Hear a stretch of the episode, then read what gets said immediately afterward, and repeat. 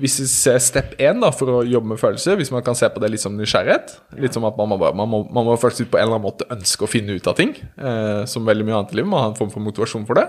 Eh, og step 2 vil jeg si, da, at, eller en god kandidat til step 2, det er å være nysgjerrig på angst. Jeg prøver å gå inn i et mindset hvor jeg prøver å bli mer åpen for at det kan være ting jeg ikke forstår her.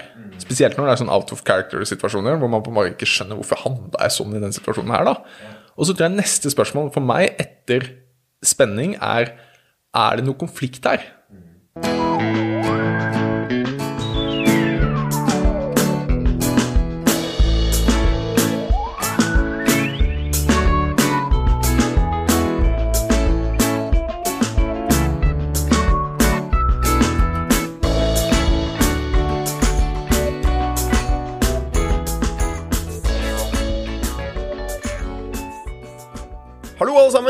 Velkommen til Kvartlivskrise. Jeg heter Marius Jones, og dette her er første episode av en podkast som skal handle om overgangen til voksenlivet. Jeg har nå rukket å bli 31 år gammel, og jeg opplever at jeg er nesten voksen. Jeg bor i egen leilighet, jeg har fulltidsjobb, og jeg er også blitt gift nå nylig. Og så har jeg en del jevnaldrende venner som også har fått barn eh, for ikke så lenge siden, eller også har kjøpt stasjonsvogner og andre voksenting. Og samtidig da, som jeg er nesten voksen, så føler jeg at jeg ikke er helt voksen. Jeg vet fortsatt ikke hva jeg skal bli når jeg blir stor, og jeg føler jo på mange måter at jeg har det meste av livet foran meg, og også at de som er ordentlig voksne, er et litt annet sted enn der hvor jeg er. Og der, da, med ett bein i voksenlivet, står jeg og lurer på hva som skjer når jeg også tar det neste skrittet inn i denne tilværelsen. Hva ønsker jeg at denne fasen av livet skal være? Hvilke forventninger skal jeg la meg styre av, og hvilke skal jeg la passere? Og hva skal til for at jeg får et godt liv som voksen? I denne podkasten skal jeg derfor utforske hvordan vi kan gå frem for å leve et intensjonelt voksenliv, slik at det som kommer, ikke bare blir et resultat av hva som er behagelig, forventet og praktisk, men hvordan vi kan få et liv som er i tråd med våre verdier, hva enn de er. Og i samtale med gjester skal jeg derfor i denne podkasten utforske temaer som relasjoner, følelser, maskulinitet, sex, verdier og karriere, og alt dette her er da et forsøk på å finne ut hva et godt voksenliv kan være. I denne første episoden av podkasten så snakker jeg med Ernst Botten om hvordan vi kan bli kjent med egne følelser. Ernst han er utdannet klinisk psykolog fra NTNU og jobber som terapeut hos Norsk klinikk for ISTDP, og dere kommer til å få høre mer om hva det er for noe i denne episoden. Ernst han har også to eh, vitenskapelige publiseringer innen feltet evolusjonspsykologi. Ernst har da altså både en dyp faglig forståelse om hva følelser er, og siden ISTDP er en følelsesorientert terapiform, så har han ganske mye praktisk erfaring med å hjelpe mennesker komme i kontakt med og håndtere egne følelser. Vi snakker i denne episoden i underkant av to timer om flere temaer knyttet til følelser. Vi snakker om hva følelser er, forholdet mellom tanker og følelser, hvordan opplevelser fra tidlig i livet kan forme våre følelsesliv, og hvordan vi i praksis kan gå frem for å bli bedre kjent med egne følelser. Jeg synes det var en stor glede å ha besøk av Ernst, og håper alle dere som lytter også får nytte av denne samtalen. Dette her er jo da første episode av podkasten Kvartlivskrise, og jeg håper det blir mange flere som kommer. Hvis du har tilbakemeldinger på dagens episode eller innspill til fremtidige tema, så ta kontakt. Du når meg på marjones89 at gmail.com, sier det igjen, marjones89 at gmail.com, så send meg veldig gjerne en e-post om du får noen tanker om ting som fungerer, noe som ikke fungerer, eller veien videre med denne podkasten. Kanskje f.eks. et tema du og jeg skal dekke, eller mer på formatet om hvordan denne podkasten bør på en måte utformes, lengde eh, osv. Og, og med det, her er første episode av Kvartlivskrise.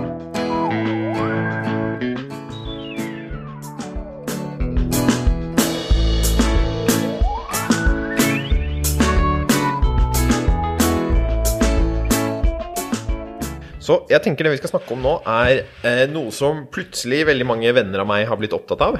Og det er nemlig å bli kjent med sine egne følelser.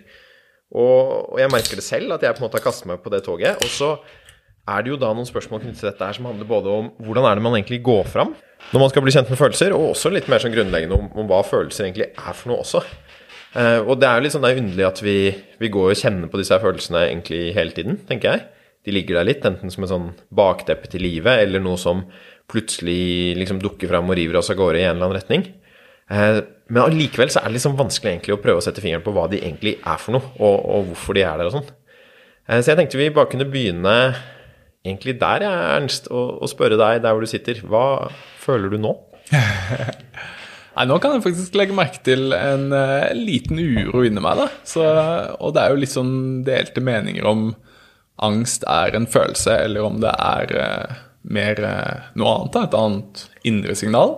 Mm. Men jeg tenker i hvert fall at jeg kan si noe om at det er noe som settes i gang i meg nå, som ikke jeg er helt klar over, som gjør at jeg blir litt urolig. Mm. Kanskje har det bare med at det er et nytt format for meg, da, det å snakke en podkast-setting, da. Ja, ja, for vi sitter jo her med plutselig mikrofoner mellom oss, som gjør at samtalen vår er kanskje litt annerledes enn det pleier å være. Mm. Det er noen elementer som ikke er helt uh, naturlige, og da ja, kan man bli litt spent. Og der tror jeg vi kommer litt sånn tilbake på, på, på noe du sier der om at følelser er et sånn slags signal, da. Som om at du nå som forteller litt om hvordan denne situasjonen er akkurat for deg. da, Og at mm. det kanskje er en av de store rollene til følelser også. Eh, men vi skal komme litt sånn inn på hva, hva, kanskje følelser er for noe, og høre hva du tenker om det. Men, men først, vil du si litt om, om, din bakgrunn i forhold til dette her med å Og nå skal vi snakke litt om hva følelser er, og hvordan vi kan bli kjent med egne følelsesmønstre. Ja, um, jeg har uh, bakgrunn fra, som psykolog fra NTNU.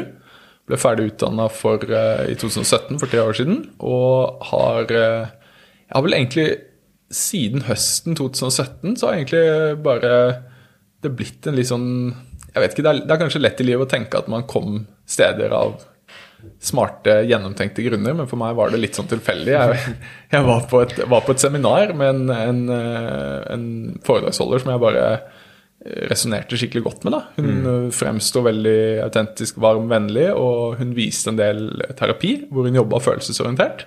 Og da bare vekte det en form for interesse i meg, som, som jeg egentlig tror har ligget der under hele studiet og sånn også, men jeg har nok eh, det, det, ble på en måte ikke full blomst før da, da. Men siden da har det vært ganske en stor eh, passion for meg. Da, det å se hvordan man kan bruke um, følelsesorientert terapi til å hjelpe pasienter med ønsket endring. Da. Var det da ISTDP som du ble eksponert for da? Det var ISTDP, ja. Som, okay som er en sånn metode innen psykologi. Det finnes jo en, en rekke forskjellige metoder som har forskningsstøtte. Uh, og det her er en metode hvor du, som står for um, intensiv dynamisk korttidsterapi. Mm. Så dynamisk betyr bare at den har røtter tilbake til Freud. Og at det er litt mer sånn man ser på relasjoner og man ser på indre forhold og sånn, og, og mye følelser. Mens uh, at den er intensiv, er litt mer at målet er å få til endring fortest mulig. Så det er den metoden jeg jobber etter. Eh, det blir liksom fort litt teknisk, men poenget er at den, den tenker at eh, av indre forhold, da, så er mm. følelser et veldig bra sted å starte. da. Mm. Og, og, jeg tenker jo vi må tilbake på den metoden også, selv om det, det, kan bli teknisk. Og jeg tenker det er fint om vi blir tekniske innimellom oss her, da. Fordi, så, Sånn som du har fortalt meg litt om den metoden og hva det går i, og sånn, og, og jeg tenker jo at den, den, kan, den er sikkert kjempenyttig for de som har noe man kaller en sånn psykologisk diagnose. Um, men det, jeg, det, har jo også slått meg at det her kan være veldig nyttig for folk flest, tenker jeg òg, da. For å grave litt i følelsene sine og bli kjent med de også. Mm. For, for, inntrykket mitt er jo at det er, en, det er, en, måte Eller det du da gjør i hverdagen, er å jobbe med å få hjelpe andre og få bedre innsikt i følelsene sine, og med det så kan de få løst noen floker i livene sine, eller få det litt bedre med seg selv. da. Mm. Er det på en måte en oppsummering av hvordan ja. ting funker? Det er veldig, veldig sant. Og så tror jeg at det, det er litt som eh, i, blant, blant, psykologer og folk som jobber med mental helse, da, så er det et uttrykk som heter sånn 'finn en normal familie'. Hvor man på en måte tenker at det, det, alle familier har noe rart ved seg. Ja. Og Det samme kan man kanskje si litt med følelseslivet òg. At det på en måte prøver å finne et normalt følelsesliv. Mm. Det er alltid liksom et eller annet som har skjedd en eller annen gang. Det trenger ikke å være et alvorlig traume eller overgrep, eller noe sånt, men at du har hatt en eller annen opplevelse. Kanskje en liten mobbeepisode eller eller du har hatt en forelder som har vært litt streng eller litt ettergivende, som har bare gjort at du, du har noen på en måte måter å se på verden på da, som er litt annerledes enn andre, og som mm. gjør at det, følelser på det området eksempel, kan være litt ekstra vanskelig eller mm. utfordrende. Det er liksom fint å høre også, for jeg tenker i hvert fall jo mer jeg graver i mine egne følelser, og også mine egne tanker, og, og prøver å på en måte følge med hva som skjer inni mitt eget hode, da, jo mer ko-ko høres det ut, eller virker det som. Så jeg føler jo meg mer og mer gal jo mer jeg legger merke til disse tingene her, da. Som jeg tror ofte kan virke litt som en brems for min egen del. Av og til tenker jeg at nå har jeg ikke lyst til å vite mer, for dette blir bare helt, eh, helt eh, crazy, da. Men at det er litt sånn menneskelig å være mm, være litt være rar, da. At det kanskje Ja. ikke fins noen som har på en måte et sånn plettfritt, pent eh, indre liv hele tiden. Eh, egentlig heller. Det er jo litt sånn litt fint å vite hvis man begynner å grave og, og kanskje støte på et eller annet som ikke er så flatterende som man skal ønske, da. Ja, og så må vi huske på at sånn som man ofte kan se litt på de eh, bloggposter og artikler og kronikker og sånn som blir veldig populære og mye delt i sosiale medier f.eks. Mange av de beskriver jo veldig personlige ting, men som kjempemange kjenner seg igjen i. Så veldig ofte er jo de tingene vi føler at er mest unike og personlige for oss, da, er jo nettopp ting majoriteten av mennesker kan kjenne seg igjen i. Ja. Og sånn tror jeg det er mye med følelser også. Så selv om ikke vi går rundt på gata med en ropert og forteller alt vi føler hele tiden, så tror jeg likevel veldig mange rundt deg egentlig kjenner på noe av det samme som deg. da. Selv om de skal i en annen situasjon, sånn, så har følelsene er det fremdeles mye overlapp da, mellom det folk kjenner på en hverdag. For eksempel.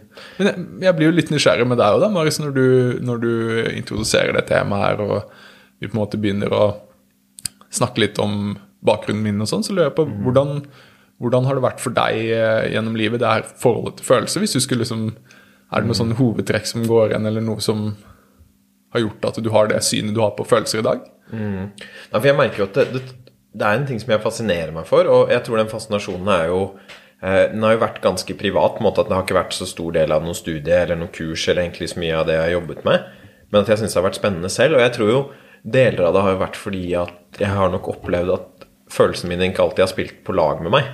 Det tror jeg, jeg håper jeg Eller jeg merker at andre kjenner seg igjen i det også når jeg deler det. Og jeg tror det er kanskje det som ofte er veien inn i følelseslivet også. Å egentlig la seg irritere litt over disse her følelsene. Eh, som på en måte river og sliter i oss eh, mye, da. Og, og for min del så har det vært flere følelser, men eh, jeg tror særlig sinne er en følelse eh, som jeg har kjent mye på. Og, og jeg har også merket nå når jeg har gravd mer i egne følelser også, at det er på en måte det er egentlig kanskje den eneste måten jeg har for å uttrykke negative følelser. At jeg blir veldig sjelden trist. Jeg kjenner meg nesten alltid sint hvis jeg er på en måte på den negative delen av følelseslivet. Og i en del situasjoner så har det fått meg til å reagere på måter som ikke har vært så hensiktsmessig da, for menneskene rundt meg, eller for at jeg skal nå de målene jeg har gjort. Um, så etter hvert så har jeg Jeg tror jeg på en måte har beveget meg inn i dette her egentlig av den uh, anerkjennelsen av at, eh, at jeg må bli bedre eller flinkere da, til å håndtere dette på en annen måte, som også tror jeg dyttet meg inn i f.eks. mindfulness-meditasjon. Det har vært en del på det der. Ehm, og jeg husker at jeg da har hatt på en måte veldig en tanke om at jeg må lære å kontrollere følelsene mine. Altså dempe de. Jeg vil at de skal ha mindre plass, for da kan jeg lykkes bedre i livet. Og så har jo det ført til en nysgjerrighet hvor jeg har gravd mer i de og prøvd å tenke hvor, hvordan er det man skal forholde seg til de, hvor jeg nå tror jeg tenker mer at eh, følelsene veldig ofte tjener oss veldig godt, men at vi kanskje først legger merke til de når de eh, er litt lumpne med oss. Så det å være sint er jo på mange måter en Det kan være en dum ting. ikke sant? Det er et overslag at du får et raserianfall, eller du gjør noe du ikke burde ha gjort. Men veldig ofte så kan jo sinne være den følelsen som gjør at du også står opp for deg selv og setter grenser, og ehm, klarer å holde eh, de kreftene som vil dytte på deg, også på avstand. da. Men at vi kanskje ikke får det helt med oss når, når den på en måte spiller i vårt favør. da. Men jeg tror kanskje det, det viktigste alt til, til noe av det vi har snakket om til nå, er at det, skal man begynne å Skal man begynne å få mulighet til å endre konsekvensene av følelsene sine, så må man også starte med en slags nysgjerrighet på dem. Og den høres ut som du har veldig på plass nå, hvor du på en måte har personlig så har du en interesse for å på en måte forstå det her bedre. Du har allerede snakket om at du, du har en måte å se det på litt sånn evolusjonært lys, som jeg tror veldig mange forskere er ganske samstemte om, at det er en veldig god hypotese om at det har hatt en evolusjonær effekt. Og det er også den, mye det jeg jobber etter med når jeg jobber med det i terapi. Det er at man tenker at det har hatt en evolusjonær funksjon, da, de følelsene, og at det derfor, derfor eh, blir det et slags signalsystem som kan gjøre bra og dårlige ting for deg i dag. Da. Og, og det der tror jeg vi må komme inn på dette her med nysgjerrighet på følelsene sine, som virker som, som er et første steg, og, og så kanskje bli litt mer detaljerte der på, på hvordan man kan være nysgjerrig også. Eh, og så tenker jeg det er jo noe som, som vi på en måte litt har hoppet over nå, og det er jo liksom egentlig om hva følelser er for noe. Eh, fordi at Hvis man skal bli kjent med det, så er det jo sikkert nyttig å vite litt hva, hva er de egentlig disse er, er for noe. Og vi har snakket litt om at det kan ha noe med evolusjon å gjøre, og, og sånn. Og litt om på en måte følelser som en slags informasjonskilde. Men eh, hvis du blir spurt, Ernst, om hva følelser er, Hva svarer du på det?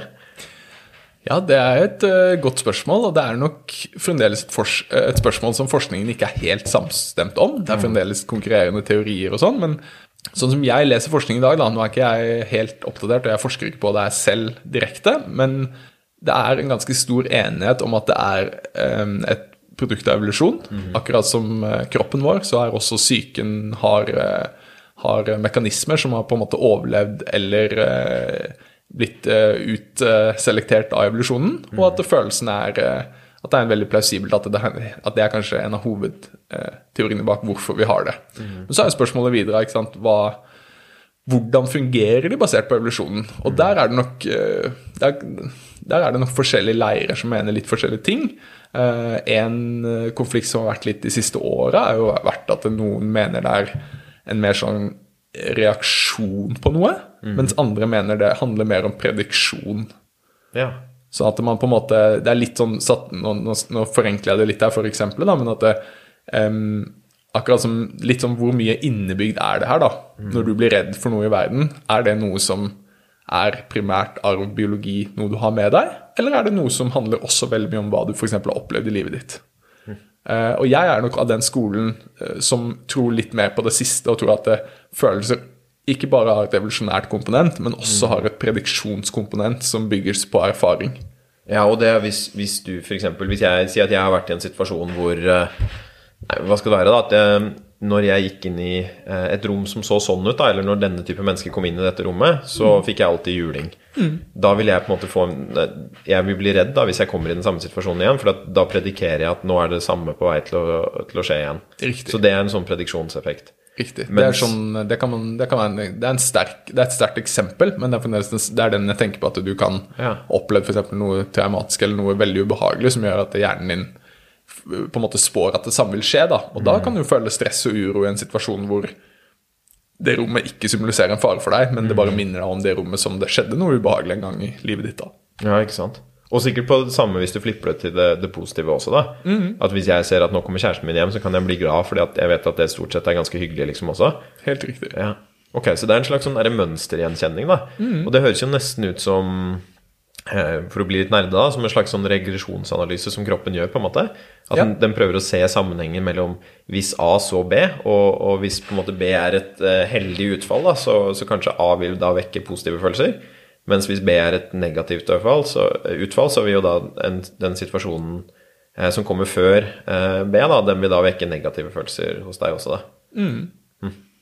Og det gir jo litt mening òg, fordi ofte er det jo billigere sånn, altså Hvis vi tenker revolusjon, da, så går veldig mye på kostnad, hvor mye energi noe koster. Hvor, mye, mm. uh, hvor krevende den prosessen her er å kjøre. da. Ja. Uh, og det er jo en lavere kostnad for hjernen å spå noe basert på masse data fra tidligere, enn mm. det er å hele tiden lage en ny reaksjon. Ja. Det er, en, det, er en, det er en dyrere prosess, da, sånn energimessig. Så det gir litt mening evolusjonært òg, at det er smart av hjernen å bruke livserfaring til å spå hva som kan skje i en situasjon hvor det oppstår følelser. Mm. Og her så snakker vi om følelser, men også da med en slags informasjonsmekanisme. Mm. Altså at de forteller oss noe om enten hva som har skjedd, hvis du tar den reaktive perspektivet på det, eller hva som kommer til å skje. Mm. Og, og, da sannsynligvis har vært nyttig for våre forfedre at det har hjulpet dem å på en måte navigere virkeligheten til fordel for seg selv. da. Ja. Og er, er, det det vi tenker at primært følelser er? At de er på en måte informasjon til oss om, om hvordan ting eh, er rundt oss nå, og hva som kommer til å skje? Det er, det er, på en måte Hvis du ser på eh, reaksjonen avsky, da, eller følelsen avsky, mm. så er jo det en, en, eh, en, reaksjon du kan få hvis du spiser noe som er veldig farlig for deg. Ja. Noe du kan bli veldig syk av, eller at du ser noe veldig ekkelt. eller at du, Det er en eller annen form for måte du kan signalisere de rundt deg at det her er ikke bra. Spiser du denne tingen her, så risikerer du å bli syk, f.eks. Mm. Uh, så sånn sett kan du si at de fleste følelser eller de fleste følelser har en sosial funksjon også. Det mm. signaliserer noe til de rundt deg. Mm. Men den type følelser som jeg personlig er mest interessert i Nå, nå drar jeg det litt inn på ja, min, min ekspertise her, da. Uh, det er de følelsene som er mest relatert til tilknytning. Ja. Fordi vi mennesker er jo som kjent, vi er sosiale dyr, og vi mm. liker å være med andre mennesker stort sett. Mm. Eh, og vi har på en måte et ønske om å tilhøre en gruppe eller en flokk, eller mm. hø høre til, da. Og de, det som er interessant da når man jobber med det i terapi, er jo at det bare det å sette seg ned med et annet menneske som er genuint interessert i deg, hva du har opplevd, hva som er vanskelig for deg, hvilke problemer du ønsker hjelp med i dag. Bare det setter i gang en form for tilknytning. Ja, det er en profesjonell relasjon og alt sammen, men vi sitter faktisk rett mot hverandre, sånn som jeg og du gjør nå. Eh, vi har øyekontakt. Eh, vi snakker ikke om trivielle ting, vi snakker om ordentlige ting. Og det setter i gang en følelse av et bånd, litt som man har en nær samtale med en god venn eller en god, god venninne. Så eh, de følelsene som kan skje i en sånn relasjon, det er de vi er mest opptatt av i den metoden jeg jobber etter. Og da blir jo det som du nevnte bl.a. med sinne veldig interessant. Fordi sinne er noe man eh, folk kan f.eks. Um, ha veldig orden på på jobb, men så kan de slite veldig i nære relasjoner. Kanskje med svigermor eller moren sin eller en kjæreste eller en, en eller annen nærme relasjon, da, hvor det på en måte er en, er en mer, mer emosjonell kontakt. Og da, da er det en sånn følelse som på en måte de har veldig god kontroll på en arena, veldig vanskelig på en annen arena. Og da tenker man primært at det er fordi tilknytning er nærmere, at da gir det også lettere tilgang til de følelsene som kan være med å regulere tilknytning. Og sinne er en viktig følelse i tilknytning på den måten at hvis noen gjør noe som er uh, urettferdig eller feil, så kan du si ifra og stå opp for deg selv. da. Altså en selvhevdelse. Ja, for Kan vi bruke den informasjonslinsen for å forstå det også, da? Hva sinne gjør for noe i en relasjon? Så hvis på en måte, Si eh, jeg er hjemme hos kjæresten min, og så gjør hun et eller annet. og så, For det, det skjer jo av og til, så blir jeg sur og irritert på det. Ja. Og, og jeg skjønner jo ikke helt hvorfor jeg blir irritert alltid. Eh, Ja. Og ikke alltid, så det er ikke alltid hun skjønner det heller, på en måte. Og så prøver jeg av og til å redegjøre for det og sånn. Mm. Men hvis, hvis dette sinnet er en form for informasjon om et eller annet, da. Mm. Hva er det dette sinnet informerer meg om da, når jeg blir sint på kjæresten min? Ofte når en følelse man har et litt konfliktfullt forhold til, da, blir trigga i en nåværende relasjon, så kan den peke tilbake på andre relasjoner. Så mm, for å ta et eksempel, da, at la oss si, la oss si at eh, eh, moren din, da, at hun var en person som eh, kjøpte masse ting istedenfor mat til deg. Ja. Da ville du antageligvis kunne få en reaksjon hvis du ser kjæresten din kjøpe masse ting i dag. Ikke fordi at det, hun ikke bryr seg om mat, og du får nok mat, og alt sånt der, men, men hjernen din, som vi snakket om i sted, den har noen prediksjoner. da.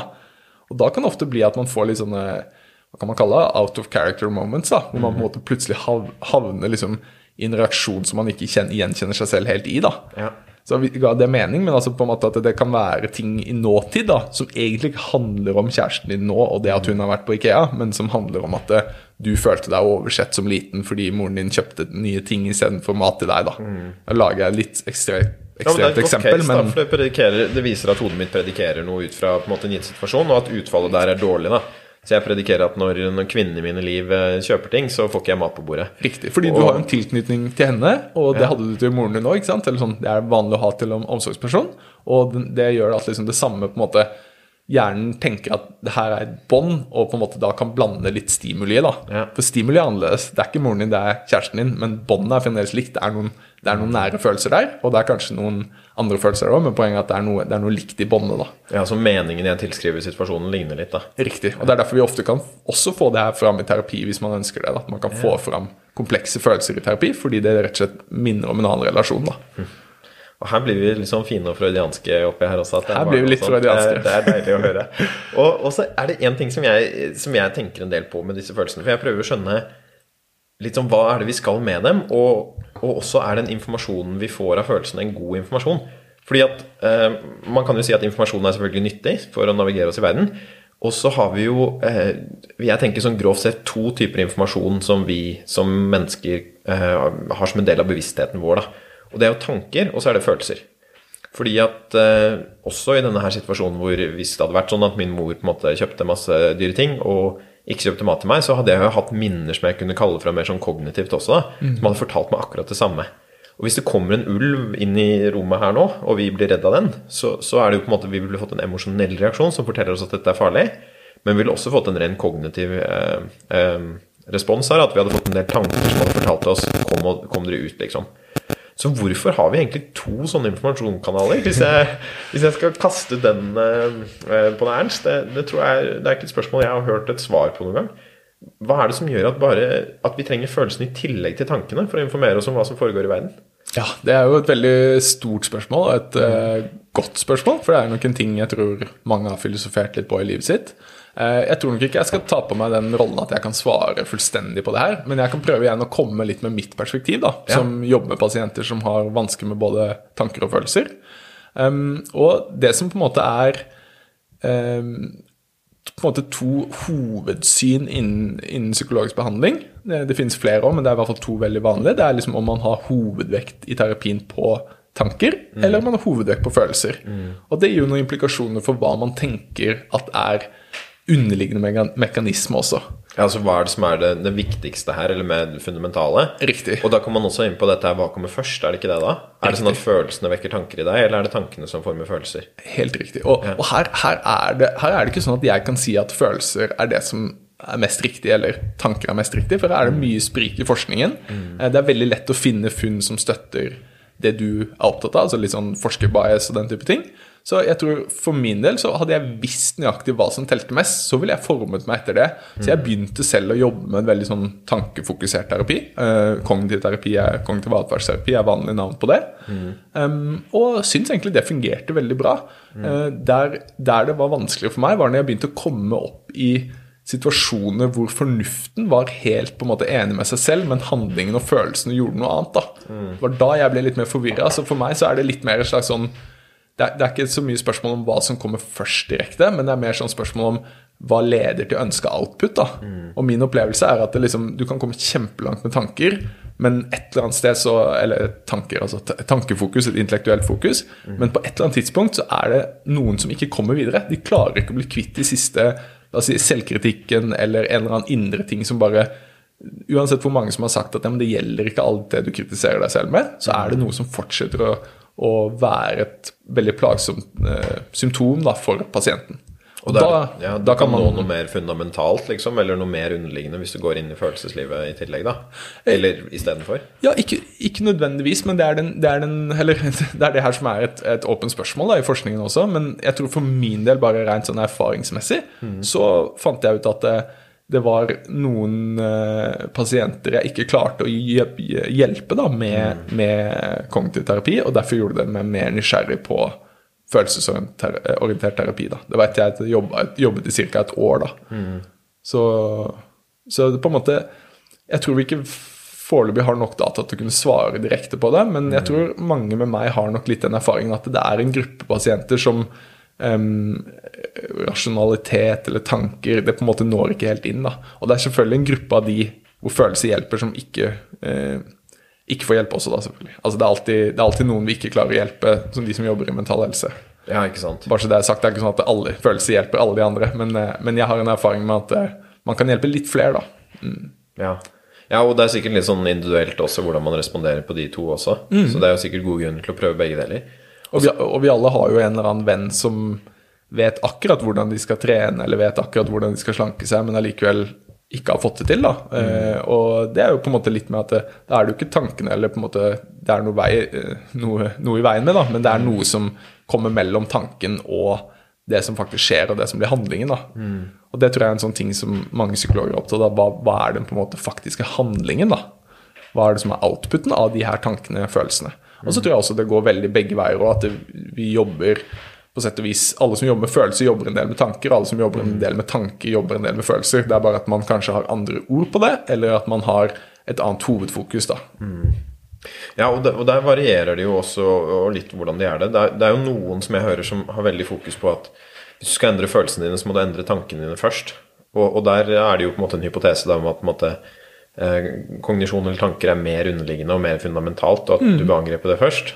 Hvor andre kanskje ville sagt at du må endre følelsene dine først, da, før du kan endre tankene dine også. Og, og som du sier, så er det jo en åpen debatt eh, der også. Jeg, jeg har prøvd liksom å navigere den litt selv, og jeg, jeg sliter med det. Og, og det er jo fordi at det er sprikende meninger. Og det er jo folk som, som vet mer enn oss begge til sammen sikkert om følelser, som sitter på begge sidene av bordet der også. Riktig. Helt Jeg vet riktig. at Vi snakket jo om Amas Tversky for litt siden. Eh, hennes, nei, hans eh, gamle kone, når han levde, het Barbara Tversky. Og hun har gitt, en, gitt ut en ny bok nå hvor hun snakker om kognisjon, og, og beskriver da det hun kaller the nine laws of cognition. Eller seven laws, jeg husker ikke hvor mange det er. Men én av dem i hvert fall er at feelings come first. Så det syns jeg er spennende. Jeg tror hun er en ganske glup dame, og har da på en måte kommet ned på at eh, følelser er mer fundamentalt. da og, og da på en måte setter en ramme for, for tenkningen din. Det gir jo som- også litt mening evolusjonært igjen, er det mange som hevder. da, At det er på en måte antageligvis var der i god tid før språket, da, hvis vi ser på andre arter. og ja. Ja, for det er jo en del også som gjør, som på en måte spør når i evolusjonens eh, historie var det disse tingene oppstod. da. Og der er jo også inntrykk av at eh, følelser går lenger tilbake. Da. Fordi det er, det er også kanskje en av de tingene som jeg føler jeg gjenkjenner i praksis. da, Det er at det henger mye med intensitet òg.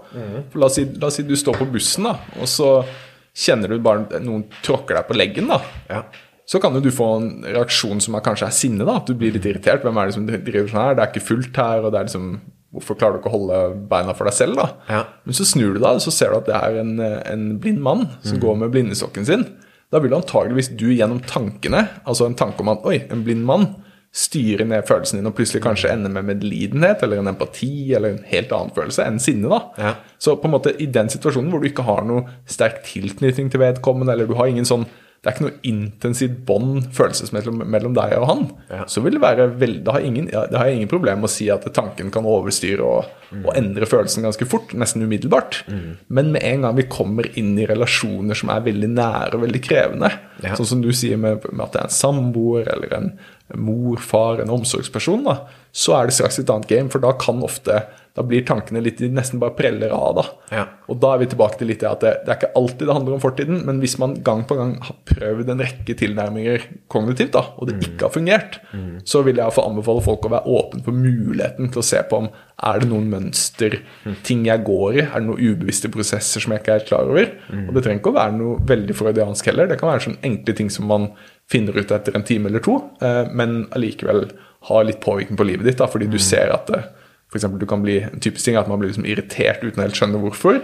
Og så viser det at det, oi, det her er fordi det trigger et sinne mot eh, mor eller far som gjorde en eller annen ting mot deg i, tilbake. da. Og Jeg vet det kan høres litt sånn freudiansk ut, men nå gjør jeg det litt sånn enkelt. da. Det kan selvfølgelig også være mobbere, det kan være en, en lærer eller en tante eller ja. Ja, og det trenger ikke å være et skjellsord, det, da. Eller jeg tenker jo Hvis vi bare med freudiansk mener at det er noe som har oppstått i barndommen eller fra på en måte tidligere historie, Ja, så det er Et litt sånn mye av relasjonelt perspektiv, da. Det er det jeg legger i det nå. i hvert fall, Liksom, Noe som går litt tilbake i, i relasjoner. da, At du Mm. har med deg litt de gamle relasjonene i dag. da. bagasje fra tidligere relasjoner. Riktig. Og det kan være eh, ofte veldig positivt òg. Det kan være at man møter mennesker generelt med varme og empati.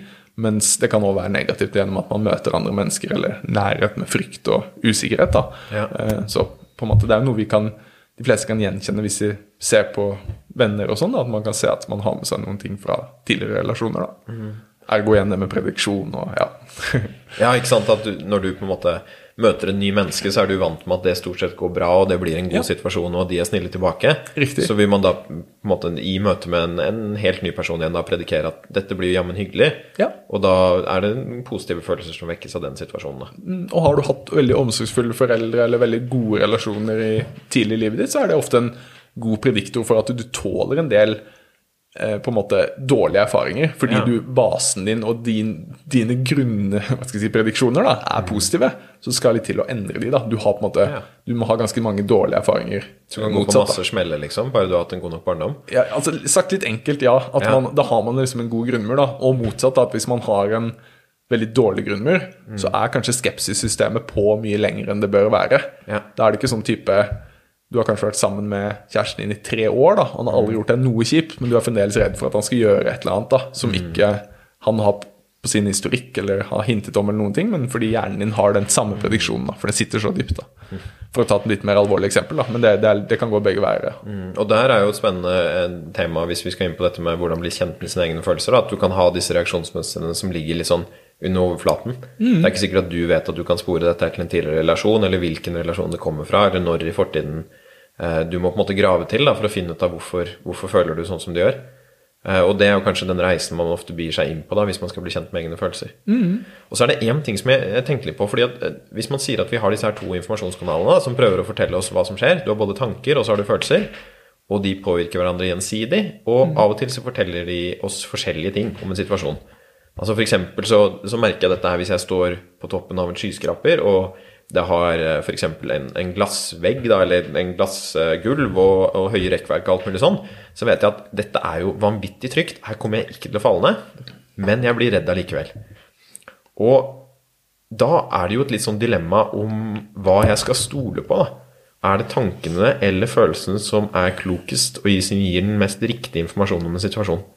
Går det an å på en måte si noe sånn generelt om det? På en måte så er det her um, Man kan nesten kalle det et slags mismatch-fenomen. Det er Ja. ofte et begrep som brukes i evolusjonspsykologi og evolusjonsteori. da. At litt som at på en måte Ja, vi snakket om det en stund, det her med at vi har et Menneskeheten da, har et sug etter ting som har hatt mye kalorier i seg. Eh, hatt mye energi i seg, som sukker og fett f.eks. Og gjerne en kombo av de to. Og at det i dag kan føre til litt problemer, da, fordi vi har eh, gatekjøkkener på hvert kvartal osv. Så, videre. så på en måte det, det er på en måte evolusjonært sett så var det en veldig nyttig ting. Det gjorde at du overlevde, du fikk nok mat, du hadde litt å gå på til vinteren og sånne type ting. Men i dag så er det et minus, da. Ja. Og sånn tror jeg det kan være litt Man kan se kanskje på det litt i samme, samme linsa, på en måte. At det, er jo ikke noe galt at kroppen din er redd for høyder. Ja. Men når settingen blir helt annerledes enn en evolusjonær setting, da, altså en skyskraper Jeg vet ikke hvor lenge den har eksistert, men jeg regner med det er kortere enn evolusjonshistorien vår, på 200 000 år. Og da på en måte har vi et, miljø som er helt annerledes. da. Så for meg som, som jobber med det her, så er det ikke så stort problem. altså Det er lett for meg å holde de to på samme tid. da, Når miljøet er så annerledes, så i forhold til det vi ble utvikla for, da, så Ja. vil tankene og følelsene kunne gi deg helt ulik info. Og da er jo jeg fan av tanker. altså Jeg tenker jo ikke at man skal tenke at eh, evolusjonen er rett uansett, da. Da hadde jeg jo sikkert eh, spist mye med usunt og den type ting også, ikke sant? for å trekke tilbake den andre mismatchen. da. Og, og der syns jeg du sier noe på en måte lurt, at man må se etter de situasjonene hvor det er en mismatch, ikke sant. Og så er jo tanker også et produkt av evolusjonen, så det er jo på en måte vanskelig å, å si at de også har, har fasiten alltid der også. Fordi at, eh, jeg, jeg tror det er riktig, sant. Av og til så skal vi ikke stole på følelsene våre. Og det merker jeg med kjæresten min, at av og til så, så forteller de meg at eh, nå har kjæresten din vært en skikkelig drittsekk, og nå er jeg ordentlig forbanna, og, som på en måte er et signal til meg om at her må jeg sette ned en grense og stenge henne ute og dytte henne fra meg. da. Som jeg tror er helt feil. ikke sant? Det er ikke det, er ikke det jeg bør gjøre i de situasjonene der. Og så Samtidig så tror jeg det kan bli et eh, overslag i den retningen også, hvor man tenker at følelsene ikke har noe lurt å fortelle deg i det hele tatt. Og, og det er jo et budskap som jeg syns eh, Som jeg syns jeg har hørt ganske mange steder.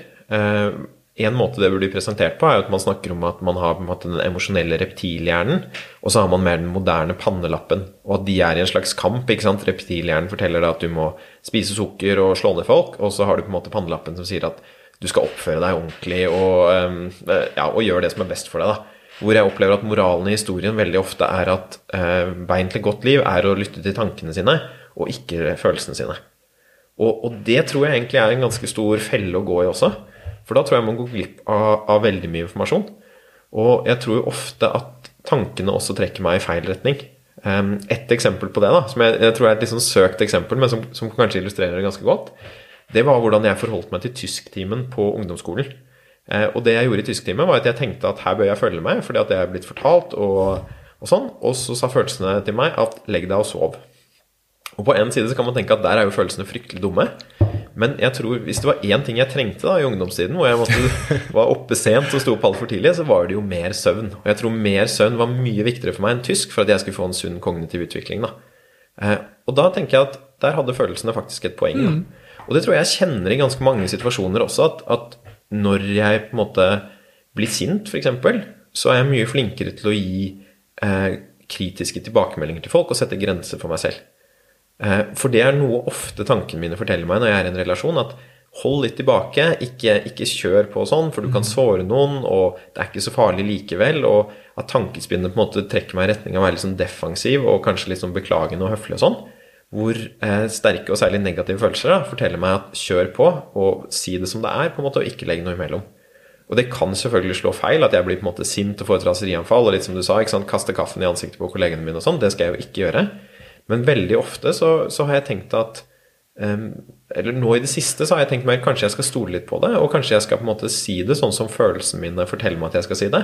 Og veldig ofte så blir det ganske konstruktive samtaler, altså. Så jeg tror jo der at i hvert fall det som jeg tar igjen fra, fra det, da, er at følelsen Man bør kanskje stole på den generelle retningen som følelsen dytter deg, men den trenger ikke alltid å få diktere uttrykksformen. Så hvis jeg på en måte er sint på en kollega for noe, så er det sannsynligvis en grunn til det. Ikke alltid, men sannsynligvis er det et eller annet som jeg, som jeg bør si fra om, og det er en kamp jeg bør ta, som også er sinnet på en måte forteller meg at jeg skal gjøre.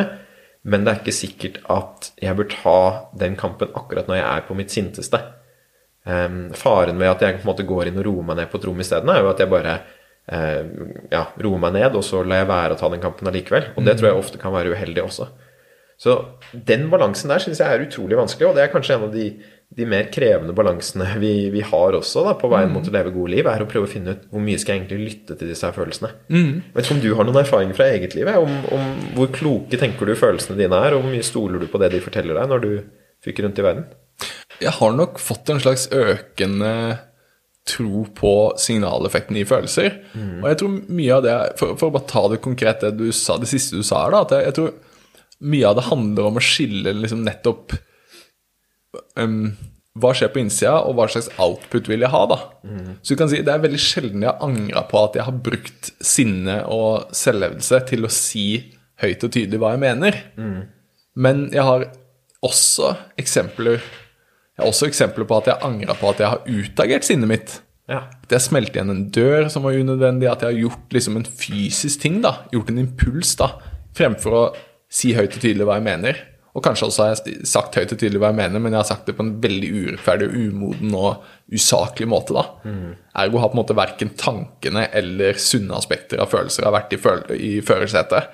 Og da føler jeg at da kan det bli veldig mye selvkritikk etterpå. veldig mye sånn, Da er det akkurat som det sinnet på en måte bare kommer tilbake på meg. da, At det bare blir en slags sånn skyldfølelse fordi jeg ikke klarte å oppføre meg og sånn. Men som sagt, det er veldig sjelden jeg har angra på å bli frustrert og uttrykke det gjennom å si høyt og tydelig hva jeg mener, uten, å, uten å gjøre noe fysisk, uten å handle på noen impuls eller noen ting, men bare være tydelig på hva jeg opplever urettferdig, eh, og hva jeg kanskje da eh, skulle ønske at eh, var gjort på en annen måte eller annerledes. da.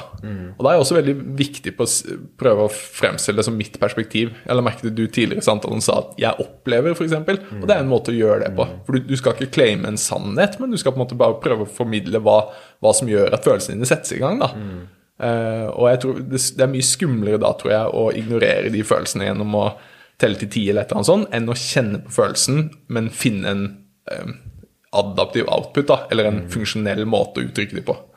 Hvis Og det gir mening. Ja, det, ikke sant? Og da gjelder det på en måte å, å koble på fra frontallappen, eller hvor på en måte tankene sitter også, da. Riktig. At når du skal finne ut hvordan, hvordan er det jeg skal sette ord på det, eller hvordan Ja, er det jeg skal da må du ha verden. begge deler, faktisk. Du må faktisk ha tankene med på laget. Og det er derfor jeg sier at det, det er nesten Eller jeg føler det kom litt dårlig fram i stad, men det er nesten en litt sånn I en seriøs diskusjon mellom en følelsesterapeut og en tanketerapeut, da, for å si det litt sånn enkelt, Ja. så snakker man ikke om det som på en måte da, da snakker man om det som minimale forskjeller i fokus, mens Ja. begge er opptatt av begge. hvis jeg mener. Ja, at måte, det, er, det er bare snakk om liksom sånn Sier du at følelsene har 60-40, eller sier du at tankene av 60-40? Mm. For bare ta et eksempel. At liksom, det er ikke sånn Sier du at det er bare tanker eller bare følelser? Det er, det er alltid en, en, en blanding, da. Som du sier i revolusjonen, Vi har alltid hatt tanker. Vi går rundt og har 60 000-80 000 tanker bare i løpet av et døgn, ikke sant? Og, og eh, vi har en rekke følelser i løpet av et døgn. Mange, mange små, og blant noen litt større. liksom. Det spørs litt på livet og situasjoner du utsetter deg for å bli utsatt for. Men poenget er i hvert fall at det er, det er veldig mye informasjon i, be, i begge deler. da. Så jeg vet ikke, hva, hva tenker du når jeg sier det her? At det, at det, handler, det handler ikke så mye om å kjenne følelser i seg selv, for det er jo ofte sunt, men det handler mer om hva skjer?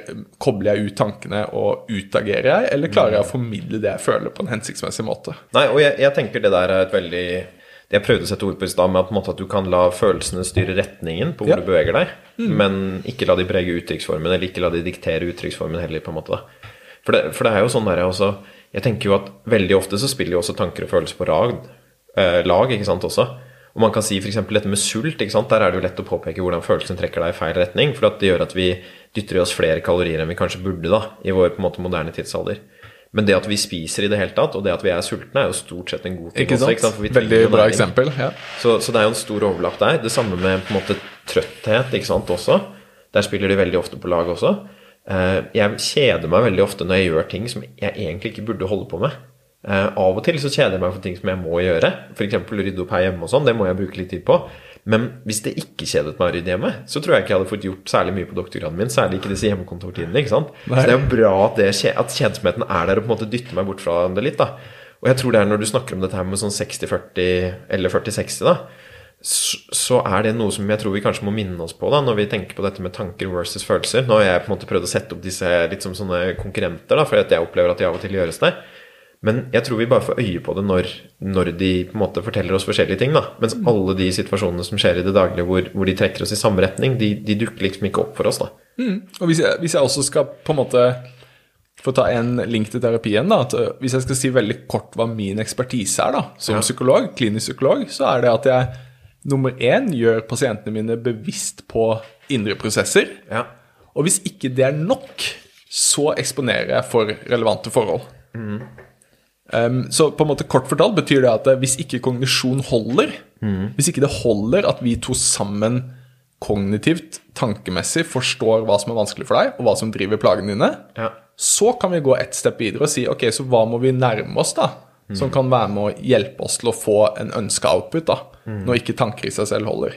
Så jeg tror på en måte det er et slags sånn, ja, nesten et slags sånn derre man, man setter ikke inn eh, et våpen man ikke trenger, eller et verktøy man ikke har bruk for, da, før det faktisk er nødvendig. Og det er litt samme som jeg sa med fortid også, at det er ikke sånn at det, når du kommer til meg, og du er pasienten min, så er det ikke sånn bare sånn, det første jeg spør om er sånn, hva slags forhold hadde du til moren din, til Ja. faren din? Altså, dit går jeg bare hvis jeg ser at det, noe i relasjonen vår stopper opp, noe blir vanskelig, du lukker deg, du bryter kontakt med meg når jeg spør deg om noe personlig, så kan jeg spørre, er det noe i livet ditt som kan kaste lys over hvorfor du trekker deg unna hver gang jeg spør deg om noe personlig? Skjønner. Hvis det er meningen, at man går ikke dit uten en lead eller et hint eller et eller annet. da. Som kanskje er den mer klassiske freudianske måten å tilnærme seg Riktig. psykoterapi på. da Riktig. Hvor, Altså, det, er- det er hvor noe vi gjør verdi er noe du kan finne i barndommen eller tidligere. helt livet. riktig. Og det er, det er kanskje derfor også freudiansk har litt sånn dårlige konnotasjoner, da, fordi man på en måte forbinder det med litt sånn der hvileløs gransking av barndommen. Ja. Det er sånn, man, man ser ikke etter noe signal nødvendigvis, man bare skal liksom gå gjennom alt, snakke om alt. Mens jeg tenker at man går dit bare hvis man ser at noe låser seg her og nå. da. Og det er derfor igjen vi sitter igjen rett mot hverandre og man har en litt intens kontakt, fordi det vil fortere skape en tilknytning. Og når du har en tilknytning, da vil du også fortere få eh, pekepinn på om, det er, om vi må tilbake og undersøke noe for å forstå det som er vanskelig i dag. da. Ja. Et annet, annet eksempel som jeg kom på når vi snakket om dette her med liksom følelser og, og tanker og, og spille på lag og sånn, eller spurte hva, hva jeg tenker om det, så er det et studie som jeg har uh, lagt en del vekt på, som kommer fra en som heter Adam Grant, organisasjonspsykolog, hvor han har en artikkel som heter 'Rocking the Boat but Keeping It Steady'. Som ganske godt, syns jeg, forklarer eller illustrerer da, sammenhengen mellom tanker og følelser, og hvordan man trenger å bruke begge. Og det han finner i den artikkelen der, er at ansatte som sier fra mer, altså hever stemmen sin i en organisasjon, de blir stort sett evaluert som, som bedre ansatte. Og, og man vet at det å på en måte si fra eller, eller heve stemmen, det er ofte drevet av følelser. Det er ofte fordi man irriterer seg på noe eller syns at noe er dumt. Og det å på en måte vise den følelsen, det er da noe som ofte slår ut positivt. Men det slår mye mer positivt ut for de som også scorer høyt på emosjonsregulering. Altså de som evner å uttrykke det konstruktivt. Og jeg tenker at moralen i den historien der er litt det samme som egentlig har vært inne på. da. Det følelsene forteller deg, er valid informasjon, men du kan ikke bare utagere på den måten som følelsene kanskje em, presenterer da, som den beste løsningen for deg. Men at man må på en måte koble på tankene der også. Så der er jo også det samme da, med samspillet der, og at de kanskje ikke er, er kritiske til hverandre. da. Eller at de ikke er motsetninger til hverandre. Eh, Vi har jo litt sånn beveget oss på det når vi har snakket om eh, terapien og sånn nå, på, på hvordan man egentlig skal jobbe med egne følelser. Du snakker jo egentlig da mest om hvordan man jobber med andres følelser, men det, det går jo litt sånn inn i hverandre også, da. Det man uh, bruker, er at man det, Altså, det mest ekte man har i terapi, er jo her og nå. Fordi at på en måte alt annet blir jo eh, via filteret av pasientens opplevelser. Så de kan fortelle at eh, hver gang jeg er med tante, så skjer det og det. Eller hver gang da jeg var liten, så gjorde pappa det og det.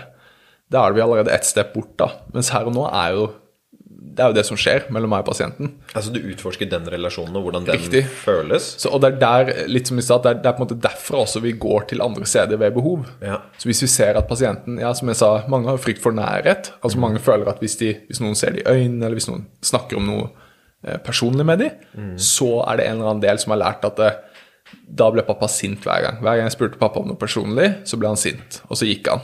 Så de har på en måte fått en slags angstreaksjon når de kommer inn på noe som er nært. Og da er det denne prediksjonen igjen, da. For Riktig. her er det sinne i andre enden. Uh, Ja, og det er det, det her er det, Selvfølgelig er det ulike måter å beskrive det på, men en vanlig skillelinje er at man tenker at uh, man kan kalle noe frykt når det er et ytre stimuli, og så kan man kalle det angst når det er et indre stimuli. Ja. Og et indre stimuli kan jo være at uh, hvis faren din ble sint hver gang du ble lei deg, så kan jo tristhet være det indre stimuliet som setter i gang angst hos deg. Men det er fortsatt en respons på noe som skjer i Ja. terapirelasjonen. Riktig. At du gjør et eller annet, f.eks. at du spør et personlig spørsmål, Ja. og så vekker det tristhet i den personen. Så da blir, da blir det angst for den tristheten. Ja. Så ja, det er på en måte et ytre stimuli hvis du tenker meg som spør spørsmålet, men det kommer av en indre ting. Det er ingenting som er i, setter personen i livsfare og, og burde skape en fryktrespons. Skjønner. Men responsen rent fysiologisk er den samme om stimuliet er indre eller ytre. Hvis det er mening, At kroppen får den samme reaksjonen. Det er like, det er like mye stresshormoner og alt sånn som en indre og en ytre eh, trigger av samme grad. da. Så det som er viktig å forstå her, tenker jeg, er at eh, hvis vi ser step 1 da, for å jobbe med følelser, hvis man kan se på det litt som nysgjerrighet Litt som at man må, bare- man må, man må faktisk på en eller annen måte ønske å finne ut av ting. Eh, som veldig mye annet i livet. Man har en form for motivasjon for det. Eh, og step 2 vil jeg si, da, at, eller en god kandidat til step 2, det er å være nysgjerrig på angst. Ja. Og da, og, da snakker jeg om angst i ganske vid, vid, vid forstand, da. ja, for det kan høres litt sånn klinisk ut, og at nå må Ikke du på en måte legges inn et sted nesten, hvis det er angst som skjer. Ja, Eller at det- da har du en diagnose, men, men det er ikke den type angst du snakker om her nå. Nei, nå, nå snakker jeg egentlig om bare eh, all uro og stress du kjenner som ikke du direkte forstår bevisst hvorfor oppsto. Ja. Hvis det er mening, at det er på en måte, du, du, du kan kanskje forstå noe av hvorfor det oppsto, kanskje litt sånn ny setting, eller noe sånt, men det er noe som på en måte skaper såpass mye uro da, at du blir litt mer nysgjerrig. da. For det kan ofte være et hint om at her er det noe som har skjedd en eller annen gang, eller som du har lært i en eller annen setting, da, som trigges i her og nå. da. Så litt som jeg sa i terapi, da, at hvis du har opplevd at uh, dine omsorgspersoner ikke tålte nærhet, da, så kan jo det at terapeuten inviterer til en personlig relasjon, gjøre at vedkommende får en angstrespons på det som skjer der inne. Kan bli litt urolig. Det, det man ofte ser, da, at pasienten knytter hendene sine. Eh, du får en slags sånn bevegelse i armene. Eh, og du får gjerne sukking. Det er også et tegn på at liksom, det er en eller annen eh, angst. da. Og da er det gjerne en slags konflikt i pasienten, hvor den på en måte den ene delen har lyst til å koble seg litt på eh, nærheten, og den andre delen sier at «Nei, men det er farlig, for det har jeg lært at det, skal jeg ikke gjøre. Derfor, Det er også et sånn psykodynamisk freudiansk begrep, det med konflikt, men det betyr egentlig bare at du vil to forskjellige ting. da. Ja. Så hvis det gir litt mening, at jeg tror angst kan være en av veiene inn til å forstå følelser bedre. da. Og da er angst øh, definert som uro stress eh, som man ikke helt 100% forstår. da. ja og, så det er noe som på en måte skaper en sånn spenning og Ja, sånn? Og, spenning er kanskje og kanskje mindre klinisk ord, da. også? Er det du kjenner en slags spenning, det er kanskje bra. Ja. Ok, ja, spenning kan være en Og, og er det også da at det er, det er spenning i en negativ retning? Eller er det sånn hvis jeg blir gira liksom uten grunn, er det også et, et tegn på, på angst, eller at jeg bør grave i et eller annet som har med følelsene mine å gjøre? Ja, det, det, her, er du, her er du inne på her er du inne på interess, et interessant område, da. Eh, fordi en måte folk kan eh, reagere på noe i en relasjon på, er jo at man begynner å snakke mer. Ja. Man kan begynne å snakke fortere, snakke mer. Og det kan jo på én side så kan det være et tegn på positive følelser som engasjement.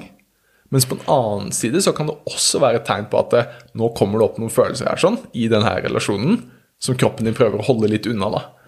Gjennom at det på en måte angsten legger seg oppå, eh, oppå de følelsene som kommer, og blir til at det, man prøver å dempe angsten gjennom å snakke fort.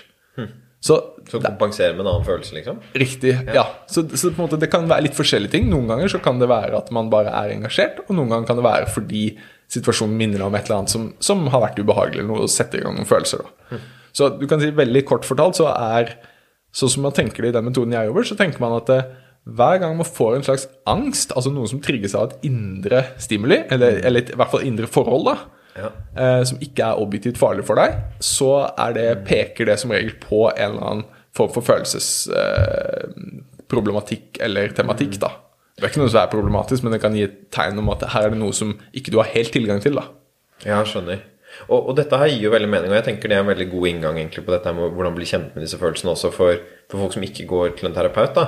Og, og der, sånn som jeg tolker det litt, så er det jo masse følelser som vekkes i deg fordi at du er et menneske. liksom. Hvis du møter en bjørn i skogen, så, så blir du eh, redd for den. Og det er ikke så rart, eller hvis du på en måte ikke har spist på lenge, så blir du sulten. Og det er ikke så veldig vanskelig å forstå seg på de følelsene. da. Så hvis man sier at jeg skal komme i kontakt med følelsene mine, eller forstå meg på følelsene mine, så er det ganske mange av de som på en måte har en klar biologisk forklaring. da. Bjørner er skummelt for folk, og derfor blir du redd når du ser dem. Og mat er bra for folk, og derfor er du sulten. Eh, Så, eller når du ikke har spist på en stund, så blir du sulten. Men så har du alle disse følelsene her da, som, som ikke kommer for alle, men som kanskje kommer for akkurat deg, eller for en, en gruppe mennesker. Ja. Og som ikke da, som du sier, har en objektiv grunn, hvis man kan kalle det det? Nei, Det er i hvert fall vanskelig å bevisst forstå det umiddelbart, da. ja, så du, du på en måte skjønner ikke egentlig helt hva som skjer, da? Nei. Og, og da tenker jeg noe som i hvert fall for meg er veldig fristende da, når jeg blir irritert for min kjæreste, er jo at jeg eh, finner på en grunn. Eh, og jeg er veldig god til å forklare henne hvorfor jeg blir irritert på henne akkurat nå. Og da, når jeg gjør det, så eh, skylder jeg jo aldri på et indre forhold i meg selv. Da skylder jeg stort sett på noe eksternt også. Mm. har det et navn? Er det sånn prosjisering eller eksternalisering eller noen sånne ting da også? At jeg på en måte dytter dette her indre forholdet mitt over på eh, på noe annet. Og, og grunnen til det jeg spør, er jo at jeg har jo inntrykk av at hvis du skal komme til bunns i egne følelser eller bli kjent med det, så, så er det jo ikke så veldig hensiktsmessig å alltid finne på en grunn om at dette dreier seg om noe eksternt. da, Hvis Nei. du skal komme nærmere. Og, og, og der, hvis vi bare tar det ett step tilbake til det med motiver igjen, da, at Ja. måte vi har noen ubevisste motiver, altså noen ting som ligger bak atferden vår som ikke vi helt vet, ikke vi helt har tilgang til, og så har vi noe bevisst. Og jeg tror i intense følelsesmessige situasjoner så er det nok lettere for hjernen å søke bevisst. Og så er jo også hjernen såpass god på å finne på grunner til det den gjør, da, at det kan bli nettopp sånne ting som du sier, at det, eh, en, man kan eksternalisere det, da, som måtte brukes i psykologien, at man istedenfor å gjøre det til noe i deg, så putter du det ut. da, Du tar det ut av deg selv. Eller intellektualiserer det. Du finner en kognitiv fin forklaring på hvorfor du blir sint på henne. Ja. Eh, At eh, ja, men du burde jo skjønt det og det og sånn. Eller at du finner andre forklaringer som da gjerne kalles rasjonaliseringer. Men det eneste du ikke gjør, da, da hvis jeg forstår deg rett, er jo at du spør deg selv Er det noen reaksjoner i meg nå som jeg kan kjenne på uten å måtte forklare eller putte det ut eller noe sånt. Bare liksom kunne være med de. Og bare det lille steppet der, bare det å koble seg litt på seg selv, bare det er et skritt i rett retning som regel. da. Fordi det er veldig forskjell, som vi var inne på med sinne i stad også, det er veldig forskjell på å ha en følelse og handle på følelsen også. For da kan du faktisk ha følelsen, så kan du utforske den litt, og så se litt om får jeg noe data ut av det. da. Og da, det, da kan det være mange mange forskjellige på en måte, ting som kan skyldes at du blir overdrevent irritert på kjæresten din, eller jeg blir overdrevent irritert på kjæresten min. Men jeg tror at man med den, Hvis man klarer å overføre den nysgjerrigheten man har generelt, som du viser i det intervjuet eller den samtalen her, da, så den nysgjerrigheten, hvis du klarer å overføre den også i situasjoner med litt intensitet, så tror jeg man har en ganske god god, si, et, et godt verktøy da, for å utforske følelser videre. Og ikke minst det å bare kjenne litt aktivering òg. Altså det som jeg kalte angst. Men på en måte du kjenner at du er litt spenning i kroppen. Det å bare være nysgjerrig. Hva er det som kan, kanskje ligger under den her nå? Bare der òg kan du få litt, litt data hvis man, man prøver å koble seg litt på det. da. Og så høres det ut som den nysgjerrigheten da må rettes innover hvis den skal være eh, effektiv. da. For det er jo veldig lett at jeg retter nysgjerrigheten utover og på en måte finner akkurat de grunnene, men da blir det som du sier en sånn intellektualisering eller eksternalisering eller noe annet. da, sånn at Og det blir en måte å dempe angsten på, da. Ja, og det er det du også kaller forsvar, er det ikke det? At Ja, da, og at forsvar er på en måte å distansere oss fra Det er jo egentlig det omvendte av å bli kjent med egne følelser, da, så vidt jeg skjønner det. Da demper du angsten, og når du demper angsten, da demper du jo følelsen som driver angsten. Ja. Så, Tenker du ja. man alltid bør spørre om dette her hvis man har en følelse og man tenker hva er det som foregår nå? Skal man alltid se innover? det er jo Eller, det, noen situasjoner er kanskje åpenbare. Ikke sant? Bjørn som kommer på skogen, som er, i skogen, som er lett å bruke da, når man Mm. snakker om følelsen frykt. Der er det jo kanskje unødvendig å se innover. Jeg tror ikke du klarer det heller. Altså, tror, Nei, hvis du er livredd, da, så tror jeg kroppen din har skrudd på alle systemer for å få deg bort. da, Og skrudd ned mer kognitive systemer og sånn. da. Men hvis man har liksom en grunnregel om på en måte hvor, hvor går jeg, da. Ok, nå sitter jeg eh, her, og så si at jeg nå føler en følelse av um, litt angst, dette her, da. Nå kjenner jeg sånn spenning her. Hvis jeg nå skal bli kjent med den følelsen, eller tenke at ok, her kan jeg lære et eller annet, hvor bør på en måte oppmerksomheten min gli, og hvordan på en måte fortsetter spørsmålsrekken derfra, da, hvis, eh, hvis jeg skal på en måte bli kjent med hva som foregår her? Jeg, skjønner, jeg tror jeg skjønner spørsmålet ditt, og det er, det er åpenbart et vanskelig spørsmål, fordi det kan være så mange ting, i og med at vi alle har vår på en måte unike historie. Ja. Men jeg tror en kanskje neste step, da, når man har skjønt at oi, det er en spenning her sånn, og det er ikke en ytre fare Neste step som jeg eh, prøver å forstå det, er sånn at jeg, jeg prøver å gå inn i et mindset hvor jeg prøver å bli mer åpen for at det kan være ting jeg ikke forstår her. Spesielt når det er sånn out of character-situasjoner hvor man på en måte ikke skjønner hvorfor handla jeg sånn i den situasjonen her. da. Ja. Og så tror jeg neste spørsmål for meg etter spenning er er det noe konflikt her. Så la oss si hvis vi zoomer tilbake til starten av samtalen vi har hatt nå, da, så spør jo du meg hva jeg føler. Ja. Og så svarer jeg med et sånt ting som ikke vi vet helt om er en følelse ikke med angst. Noen mener det er det, noen mener ikke det er det. Um, ut fra den teorien om at angst drives av ubearbeida følelser eller komplekse følelser, så kan man si at angst ikke er en følelse. Men uansett, jeg ga deg likevel noe informasjon om at det å sitte her og snakke med deg i en ny setting skapte en eller annen konflikt i meg. Ja. At kanskje f.eks. en del var litt redd for hvordan vil jeg fremstå når jeg skal gjøre noe helt nytt. Hva hvis jeg ikke får til å si et eneste fornuftig ting, og at Marius tenker at jeg er helt idiot? Og så går du til hele verden også på internett her, ikke sant? Ikke sant? Alle kan dømme oss for det. Tenk, det jo, hvis det, ja. tenk hvis det blir en liksom greie på nettet som folk sender rundt og bare hører på han er dummeste psykologen jeg har hørt. ikke? Det, det er den ene siden, da, altså, hvis vi skal prøve å tenke litt rundt det. da. Men så er det kanskje en annen side som sier sånn Nei, men du herregud, det her, det her er jo det du liker, det er det du er engasjert i, du har liksom en skikkelig passion for det temaet her. da. Det kan på en måte ikke gå så galt. Og når de to tinga kjemper litt mot hverandre, da, så er det lett at det kan bli en litt sånn spenning i kroppen som jeg kjente på. da. Litt sånn nervøs. Og det er ikke sikkert det er forklaringen, men poenget er at det er en, en måte å ta liksom ett step mot Spenning, ok. Konflikt, hva kan det være? Og Så kan man utforske forskjellige konflikter, og kanskje til slutt får man en litt sånn emosjonell resonans med en av konfliktene. Man bare sånn Ja, nå gir det mening. Alltid når jeg var liten, eller alltid i tenåra, så ble mamma sånn overdrevent sint, og jeg ble så sint på henne. Men jeg kunne ikke vise det, fordi da skjedde det og det. Og så plutselig ser man at ok, hun kjæresten min minner meg jo om moren min i de situasjonene. Og nå har jeg en slags overreaksjon, eller nå har jeg en, en underreaksjon, eller ja. Så kan man plutselig forstå ting litt bedre. Det er ikke alltid det går så, så straight forward, men det er liksom en, en mulig vei, da. Men det kjennes, og dette her sporet med å, å, å kjenne på sånne konflikter høres også ganske eh, ut som et godt spor å gå nedover også. Da. For jeg tenker jo, eh, Det kjenner jeg også igjen hvis jeg har, og særlig den negative følelsen merkes. da, Så er det jo noe som holder meg tilbake der også fra å si fra kanskje med en gang også. Som er på en måte mer følelsen av hensyn, eventuelt følelsen av at jeg ønsker ikke å dumme meg ut. Og jeg vet at hvis Ja. jeg blir sinna, så blir jeg det. Men, men det å spørre liksom For det høres ut som vi dyttes i forskjellige retninger. da, At det er en sånn push-pull. Og da spørre seg selv hva er det som dytter meg mot dette, hva er det som dytter meg fra dette her også. Ja. da, Kan være en måte å gå inn på dette her òg, da. Ja. Og det er der den nysgjerrigheten kommer litt inn, fordi man må på en måte ha den ikke bare på godværsdager, da, man må også ha den i litt sånne vanskelige situasjoner. Mm. og en ting vi ofte ser i terapi, noe som er nesten universelt vanskelig for folk, da, det er ofte vanskelig i veldig nære relasjoner å holde empati og frustrasjon på samme tid. Så hjernen har en eller annen tendens da, til å få Hvis du er veldig frustrert på noen, så har det er liksom litt, det er akkurat sånn skrur ned empatien litt. Mens for andre så kan det være litt sånn hvis de har veldig empati for noen, så kan de ikke bli sinte på dem. Hvis jeg mener at det er litt sånn vanskelig å bare på samme tid holde de to, da. Eh, og det er en sånn ting som vi bruker veldig mye tid på i terapi. Hvis vi ser at det er litt vanskelige relasjoner og sånn. F.eks. det å ikke kunne bli sint det er ikke så uvanlig. At man bare alltid blir selvkritisk isteden. Eller man får skyldfølelse eller et eller annet istedenfor å Ja. kunne ha frustrasjon, da. Så Og du da mener jeg være frustrasjon sint på de du er glad i? At det er, det, det er en sånn sperre for det også? At det, det, det vil føles feil? eller Og, og nå mener jeg sunn sinn. Altså, sunt sinn, Nå mener jeg ikke sånn at du er sint på en kjip måte, men at du kan si ifra at liksom Jeg syns det var kjipt at du gjorde det og det, da, på en tydelig Sette måte. grenser. Ja, sette grenser for deg selv. da, Sånn sunn selvlevelse, som er litt psykologord på det. da. Ja. Og jeg tror at det, det er nok en sånn ting som har slått meg veldig når jeg har jobba med det her. At det, nest, nesten for alle mennesker så finnes det situasjoner i livet hvor de to tingene Det er akkurat som på en måte hjernen ikke kan holde det likt. da, Det må justere litt. da. Og da kan det bli, Hvis du skrur opp frustrasjonen, så går empatien litt ned. ikke sant? Så det blir litt sånn du, Kanskje viser man en partner eller et eller annet sånn at man er mindre glad i de i det øyeblikket, fordi frustrasjonen er så høy. på en måte. Det er akkurat som hjernen må rettferdiggjøre at skal jeg være så sint, så kan jeg ikke være så glad i vedkommende akkurat nå. Så midlertidig skrur jeg ned empatien. Og motsatt, at hvis jeg er så glad i noen, så kan jeg ikke bli frustrert på dem. Og det kan ofte ha med at eh, Hvis det er veldig alvorlig, så kan det ofte ha med at en eller annen omsorgsperson ikke tolererte en av de.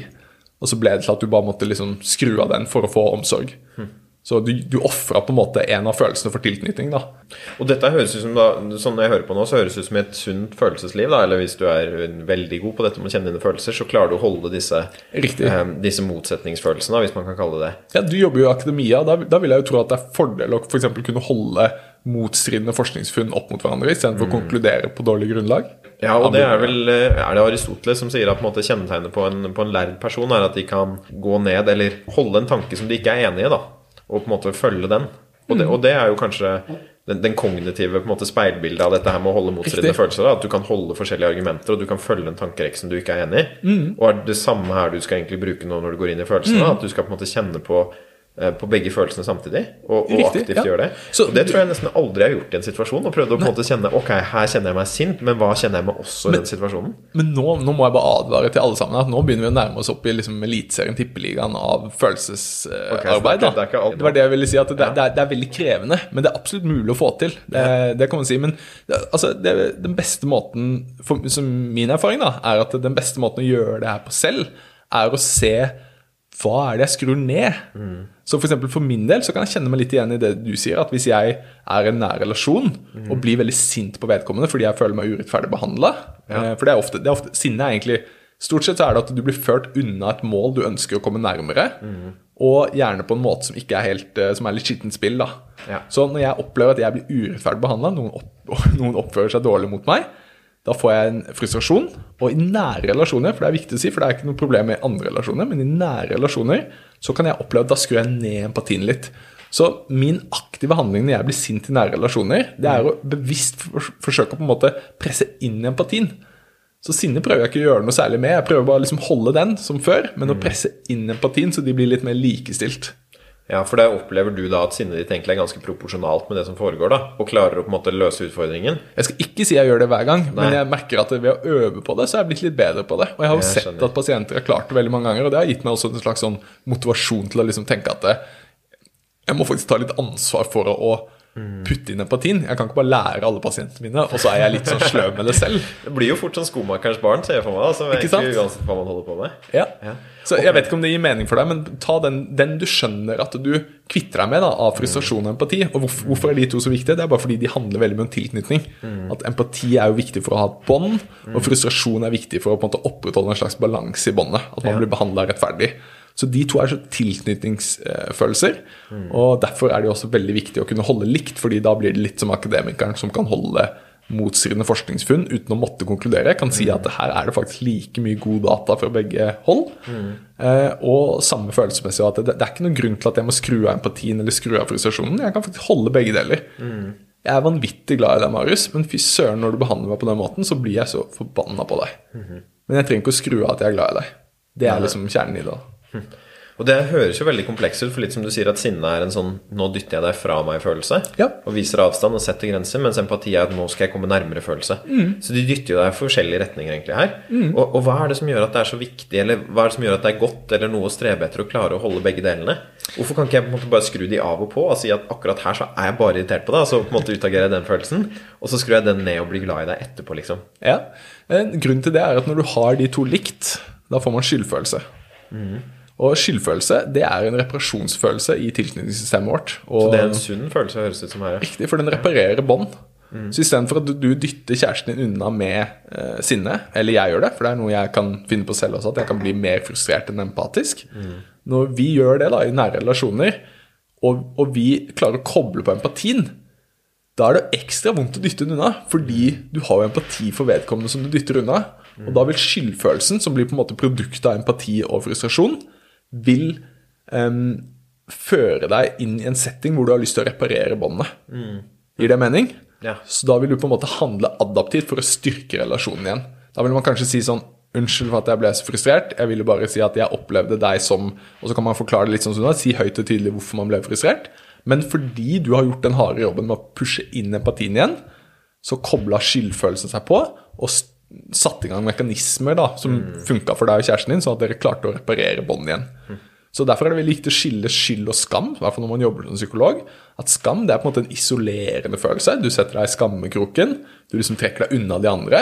Som faktisk kan være veldig nyttig i noen settinger, for det er en måte å korrigere seg sosialt. Men akkurat når det kommer til tilknytning av nære relasjoner, så er skyldfølelse liksom gullet, da. Fordi du kan ikke ha en dyp skyldfølelse uten å holde begge likt. Gir det mening? At en måte, du, må faktisk, du må faktisk ha et positivt i et bånd for å få høy skyldfølelse grunnet frustrasjon. Du må bry deg om relasjonene. Riktig. Du får ikke skyldfølelse hvis det er Det er derfor man ser sånn liksom, Du kan lese at det to millioner sulter i India, og så får ikke du en sterk empati for dem. Da får du heller ikke en like stor skyldfølelse hvis en av de dør, hvis du leser det i avisa eller noe. Da blir det en, en mindre aktivering, da. Ja. Det er en ganske fin måte å se på skyldfølelse på. da For jeg ser for meg at det er lett fra utsiden, og, og sånn som jeg har tenkt på den, så er det jo det noe jeg helst vil unngå. Men det høres ut som det er nesten målet. på en måte at Hvis du er kongen av følelsesregulering, så, så treffer du skyldfølelse ganske ofte i de relasjonene også. Ja, Gitt at det er en nær relasjon, sånn, så er det faktisk en veldig en ting vi er ute etter. Vi ser ofte, og det er på, Jeg bruker sånne kartleggerskjemaer i, i terapien min også. Og en ting som nesten aldri slår feil, det er at hvis jeg har hatt timer hvor pasienten har opplevd skyld, enten i relasjon med meg, at jeg har lagd en slags kunstig situasjon hvor det har blitt naturlig å utfordre båndet mitt, la oss si jeg stiller irriterende spørsmål samtidig som jeg bryr meg, da utfordrer jeg skyldfølelsen til pasienten. Og Hvis pasienten har opplevd skyld i timen, eller vært i en situasjon i fantasien hvor de har opplevd skyld, så går nesten alltid symptomene ned etter den timen. Og Det er ikke bare noe jeg sier, det er også forskning som viser det. Flere studier som viser det samme. Skyld er det vi vil ha. Og, og jeg syns jo det er spennende, for det er nesten så du beskriver at man kan få i pose og sekk her. da. Ja. At man kan eh, uttrykke sine grenser og, og, og, sette ned foten, liksom. Og, og, gjøre alle de tingene som sinnet skal hjelpe oss med å gjøre. Og så mm. samtidig kan du gjøre nesten relasjonen sterkere også, da. Riktig. Gjennom å skru på de andre følelsene. Og det som jeg syns er spennende her, er jo kanskje også litt inn i den der tanken om at um, tanker og følelser eh, på en måte eh, konkurrerer, og at hvis man har et følelsesliv da, eller følelsesmønster som man eh, ikke opplever er hensiktsmessig, så må du bruke tankene til å korrigere det. Men her høres det ut som du også kan bruke andre følelser til å korrigere mm, det. Helt at Hvis du opplever at du sliter med for mye sinne, så er det ikke sikkert at du skal skru på hjernen din og, eh, og endre på det, men at du kan prøve heller å underbygge den empatien du ja. har for de menneskene, da, og styrke den. og så sier... kan det være følelser som på en måte balanserer hverandre da, sammen. Mm. Jeg, jeg, bruker bevisst litt sterke ord når jeg sier det, sånn når jeg sier 'press inn empati. Mm. For det er sånn det føles ut når følelsen av frustrasjon er intens. Da er det ikke bare å liksom si sånn Å, jeg trenger litt eh, empati. Bare putte inn det. Det er null stress. Men du må faktisk presse det inn fordi det er så sterke krefter som på en måte har lært en eller annen gang, da, eller at det har vært nyttig en eller annen gang, å skru ned empatien. Mm. Kanskje vært lettere å bli sint hvis jeg slapp av empati, for da har du ikke det samme båndet. ikke sant? Så, og det er der jeg sier litt det der at det, det er veldig uvanlig å ha har hatt omsorgspersoner som har lært deg det her perfekt. Mm. Det betyr ikke at ikke de har lært det i det hele tatt, det betyr bare at på et slags kontinuum da, så har de fleste måttet skru litt ned en av de, da. Det er min erfaring, da. Nå skal jeg være litt forsiktig med å generalisere her, for det, jeg vet ikke sikkert. Det høres men, ut som en utrolig ja. komplisert ting ikke sant? Som, som, noen blir klar over hvis de på en måte går psykologistudiet ja. og tar en ISTP-utdanning. Så det å tro at dette er på en måte vanlig praksis i barneoppdragelse i alle norske hjem, det, det tror jeg ikke absolutt. er en overdrivelse å si. altså. Nei, og, og jeg, kan, jeg, jeg er jo et barn selv, og jeg kan absolutt kjenne meg igjen i at noen ganger så er det utrolig lett å skru ned en av de, fordi at Eh, ja, så på en måte Det er veldig forståelig, men mm. derfor er det også litt sånn håp det at man faktisk kan eh, Ja, som du sier, endre følelse med følelse, faktisk. Det synes jeg var en god beskrivelse. en, en, eh, ja. Men det krever jo faktisk litt kognitiv forståelse å komme dit. da, fordi nå, nå, du, nå drar jo du nysgjerrigheten din videre og oppsøker dem som jobber med det her, og sånn, og du bruker på en måte tanken til å komme i posisjon til å jobbe med følelser. Da. Det blir litt meta. Men, ja. men det er sant, altså. Og jeg tror absolutt at kognisjon har en rolle. Og, og, og, Det er ikke å si at man skal koble ut måte, den tenkende hjernen helt, altså. men jeg syns det er et spennende perspektiv på det. Og en av grunnene til at jeg tar det opp, er at det er en, en bok som heter 'Emotional Willpower', av en fyr som heter Daniel Distino, som egentlig går på det argumentet der også. Hvor han sier at ofte så føles dette med viljestyrke ut, så det, føles det som tankene kjemper mot følelsene. Følelsene sier 'jobb mindre', og så må du på en måte tenke deg i retning av å jobbe mer. da. Hvis du f.eks. tenker at du skal ta en treningsøkt, og det er en dørstokkmil, Eh, så, så, føler du for å ligge i sofaen, og så tenker du at 'jeg burde trene'. Og så er det ofte da sånn at følelsen vinner. Og hans argument der er at hvis du kan vekke positive følelser knyttet til trening, sånn som stolthet f.eks., så vil du ha en større sannsynlighet for å ta den treningsøkten. Så eh, når følelsene kommer i veien for deg, eh, er hans argument da, ikke møte med en kognitiv strategi, men møte med en emosjonell strategi, da, men andre emosjoner isteden. Mm. Og jeg tror han på en måte har da en tanke om at følelser er mer grunnleggende, mm. og at det er krevende å endre følelser gjennom tanker, og derfor må du endre følelser med andre følelser isteden. Mm. Uh, jeg jeg resonnerer veldig med den, men jeg skal igjen være forsiktig med å si hva som er en vitenskapelig eller sannhet, på en måte, men det, det resonnerer litt med min erfaring, i hvert fall, da, og, mm. og, sånn som jeg jobber med det, er mer terapeutisk. da. Og så kan man selvfølgelig argumentere med å si at liksom, ja, men pasienter er jo ikke gjennomsnittsmennesker, og sånn, men over halvparten av befolkningen vil i løpet av livet ha en psykisk lidelse. Så jeg syns ofte at det, det blir litt unyansert, det også. da, og La oss si en stor del av de en kanskje ikke blir diagnostisert. Så jeg tror på en måte at alle i løpet av livet opplever litt mentale utfordringer, og at eh, det ikke er så utenkelig at noen ganger de henger sammen med følelsesmessige forhold. da. Ja, og, og, jeg tenker jo at i hvert fall sånn av egen erfaring så syns jeg også de verktøyene som man får i en terapisetting Altså, jeg har gått i terapi én gang, og det var i forbindelse med Det var faktisk litt i sånn sinnemestring eller irritasjonsmestring. Eh, som jeg tror også dytter meg inn på mye av dette her som, som jeg har uh, gått inn i og vært nysgjerrig på følelser. Da. Men da lærte jeg sånn enkel teknikk for, for, kognitiv terapi, som også hadde en del emosjonelle komponenter. Da. Så jeg er enig der også resonnerer veldig den analysen din om at det er ikke svart-hvitt. Enten så er det kognitiv terapi, eller så er det emosjonell terapi. Men måten vi jobbet der, var jo da å skrive ned eh, og, og, gå inn i situasjoner da, hvor jeg hadde et reaksjonsmønster som kanskje ikke var helt heldig, og beskrive hva var situasjonen, hvilke tanker fikk jeg, hvilke følelser fikk jeg, og hvordan handlet jeg der. Og jeg syns det er et mønster som virker å, å Eller altså på en måte den metoden da, virker å fungere på en lang rekke utfordringer som, mm. som ikke er den type ting man ville få en, måte, en diagnose for, da, mm. men som bare handler om eksamensstress, f.eks. Eh, jeg har brukt det skjemaet selv med kjæresten min. Når vi har hatt en krangel, så sitter vi oss begge ned og skriver hvert vårt, og så mm. viser vi det til hverandre og ser hva er det som egentlig sto der. da og det brukes visst også i mer sånn positiv psykologi knyttet til topprestasjoner i idrett f.eks. Mm. At du som idrettsutøver kan, kan, gå inn i en veldig positiv prestasjon og analysere ok, hva tenkte du og følte du i forkant av det også. Ja. Så jeg, i hvert fall som min opplevelse av, Dette stemmer jo sikkert ikke for alle metoder, da, men at ganske mye av det som skjer i et terapirom, er, er kanskje Jeg vet ikke om man skal si ekstremversjoner engang, ja, men det er på en måte en, en del verktøy som, brukes, som, som kan brukes av, av, mange som ikke har en diagnose også, Absolutt, for å løse ja. de problemene som vi har i hverdagen vår selv også. Mm. Og som på en måte vet ikke om man kan kalle det sånn psykologisk førstehjelp nesten da, på, mm. på, de situasjonene man møter i det daglige. Det er ikke sikkert man må dra til sykehuset når man er syk, og, og, da trenger du ikke på en måte en lege til å hjelpe deg, men det er fint å ha et førstehjelpsskrin hjemme også, da, mm. med liksom litt enkle verktøy for å ta de små tingene som, som skjer i, i, hverdagen. da. En, en ting som, som, jeg også tar med nå, er når vi skal på en måte jobbe med egne følelser, så er det jo noe å egentlig da oppsøke situasjoner nesten da, eh, som, hvor, som vekker følelser i deg. Det høres nesten ut som en nødvendighet for å begynne å bli kjent med deg. I hvert fall ikke være redd for dem.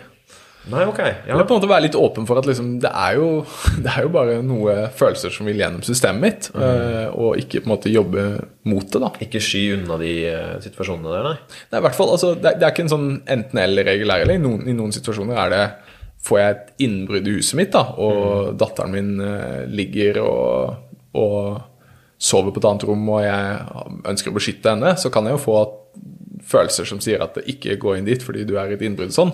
Ja. Da kan jeg jo likevel bryte det og på en måte gjøre noe annet for det. og det, det er alltid situasjoner man kan gjøre motsatt av det som på en måte føles mest naturlig, og det kan være riktig. Mm. Men jeg tror som generell regel så tror jeg følelsene, hvis man skal klare å bruke det som en informasjonskilde eller en kilde til signal, da, en slags litt sånn den evolusjonære verdien de kan ha, så tror jeg det er viktig å i hvert fall møte de som en slags mer sånn grunnleggende aksept. da. Ja. Og så kan man heller derfra vurdere hva tillater den situasjonen her, eller hva bør jeg ikke tillate i, i den situasjonen her, da. Mm. Så man må inn i situasjonen, ikke sky unna dem, og så må man møte dem med aksept også. Og så tror jeg noe av det, det som er vanskelig, for det høres ut som sant, i disse eh, situasjonene da, som vekker følelser, så skal du kjenne ok, hva, hva, er det jeg føler på nå? Er dette noe som har en åpenbar ytre årsak? Er det kanskje noe i meg som gjør dette her? Er det en spenning mellom ulike følelser? Ok, hva er de følelsene? Og så må man på en måte kjenne ok, det er litt... Ikke bare bare. Nei, for det er jo en lang rekke ting, da. Og mm. det som i hvert fall kjennetegner meg i en situasjon hvor, hvor det er mye følelser, er jo at uh, jeg ikke har så mye kognitiv båndbredde til å gå inn i akkurat det. Da mm. Da er jeg bare fokusert på å løse akkurat den situasjonen. Uh, så f.eks. hvis jeg er irritert på kjæresten min, så er jeg bare irritert på kjæresten min. Og mm. jeg er veldig lite i modus til å drive og filosofere over hvilke, hva er den ene og den andre følelsen, og hva er det som foregår mm. nå, og hva er meg, og hva er situasjonen, og sånn. Og, og, det tror jeg kanskje er en av de tingene som jeg tenker på som en av de største utfordringene med å bli kjent med egne følelser. Det er jo på en måte å klare å ta seg selv i situasjonen når det skjer. Ja. Og, og, der er jo kanskje mindfulness, siden jeg har en buddha ved siden av oss her nå, et sånt, noe som jeg tenker kan være et ganske godt verktøy der. da, mm. Hvor du egentlig trener opp evnen din til å um, se hva som foregår i deg, på en ikke-dømmende måte. Mm. Og, og, og, det jeg tenker på en måte er utbyttet av å sitte og meditere litt hver dag, er jo akkurat det at du blir litt flinkere til å ta deg selv eh, i å kjenne på hva som foregår i meg nå, også i det daglige, også når sånne situasjoner oppstår. da, Og klare å bygge mm. denne på en måte metakognisjonen da, som gjør at du har litt båndbredde også til å kjenne hva er det som skjer i meg.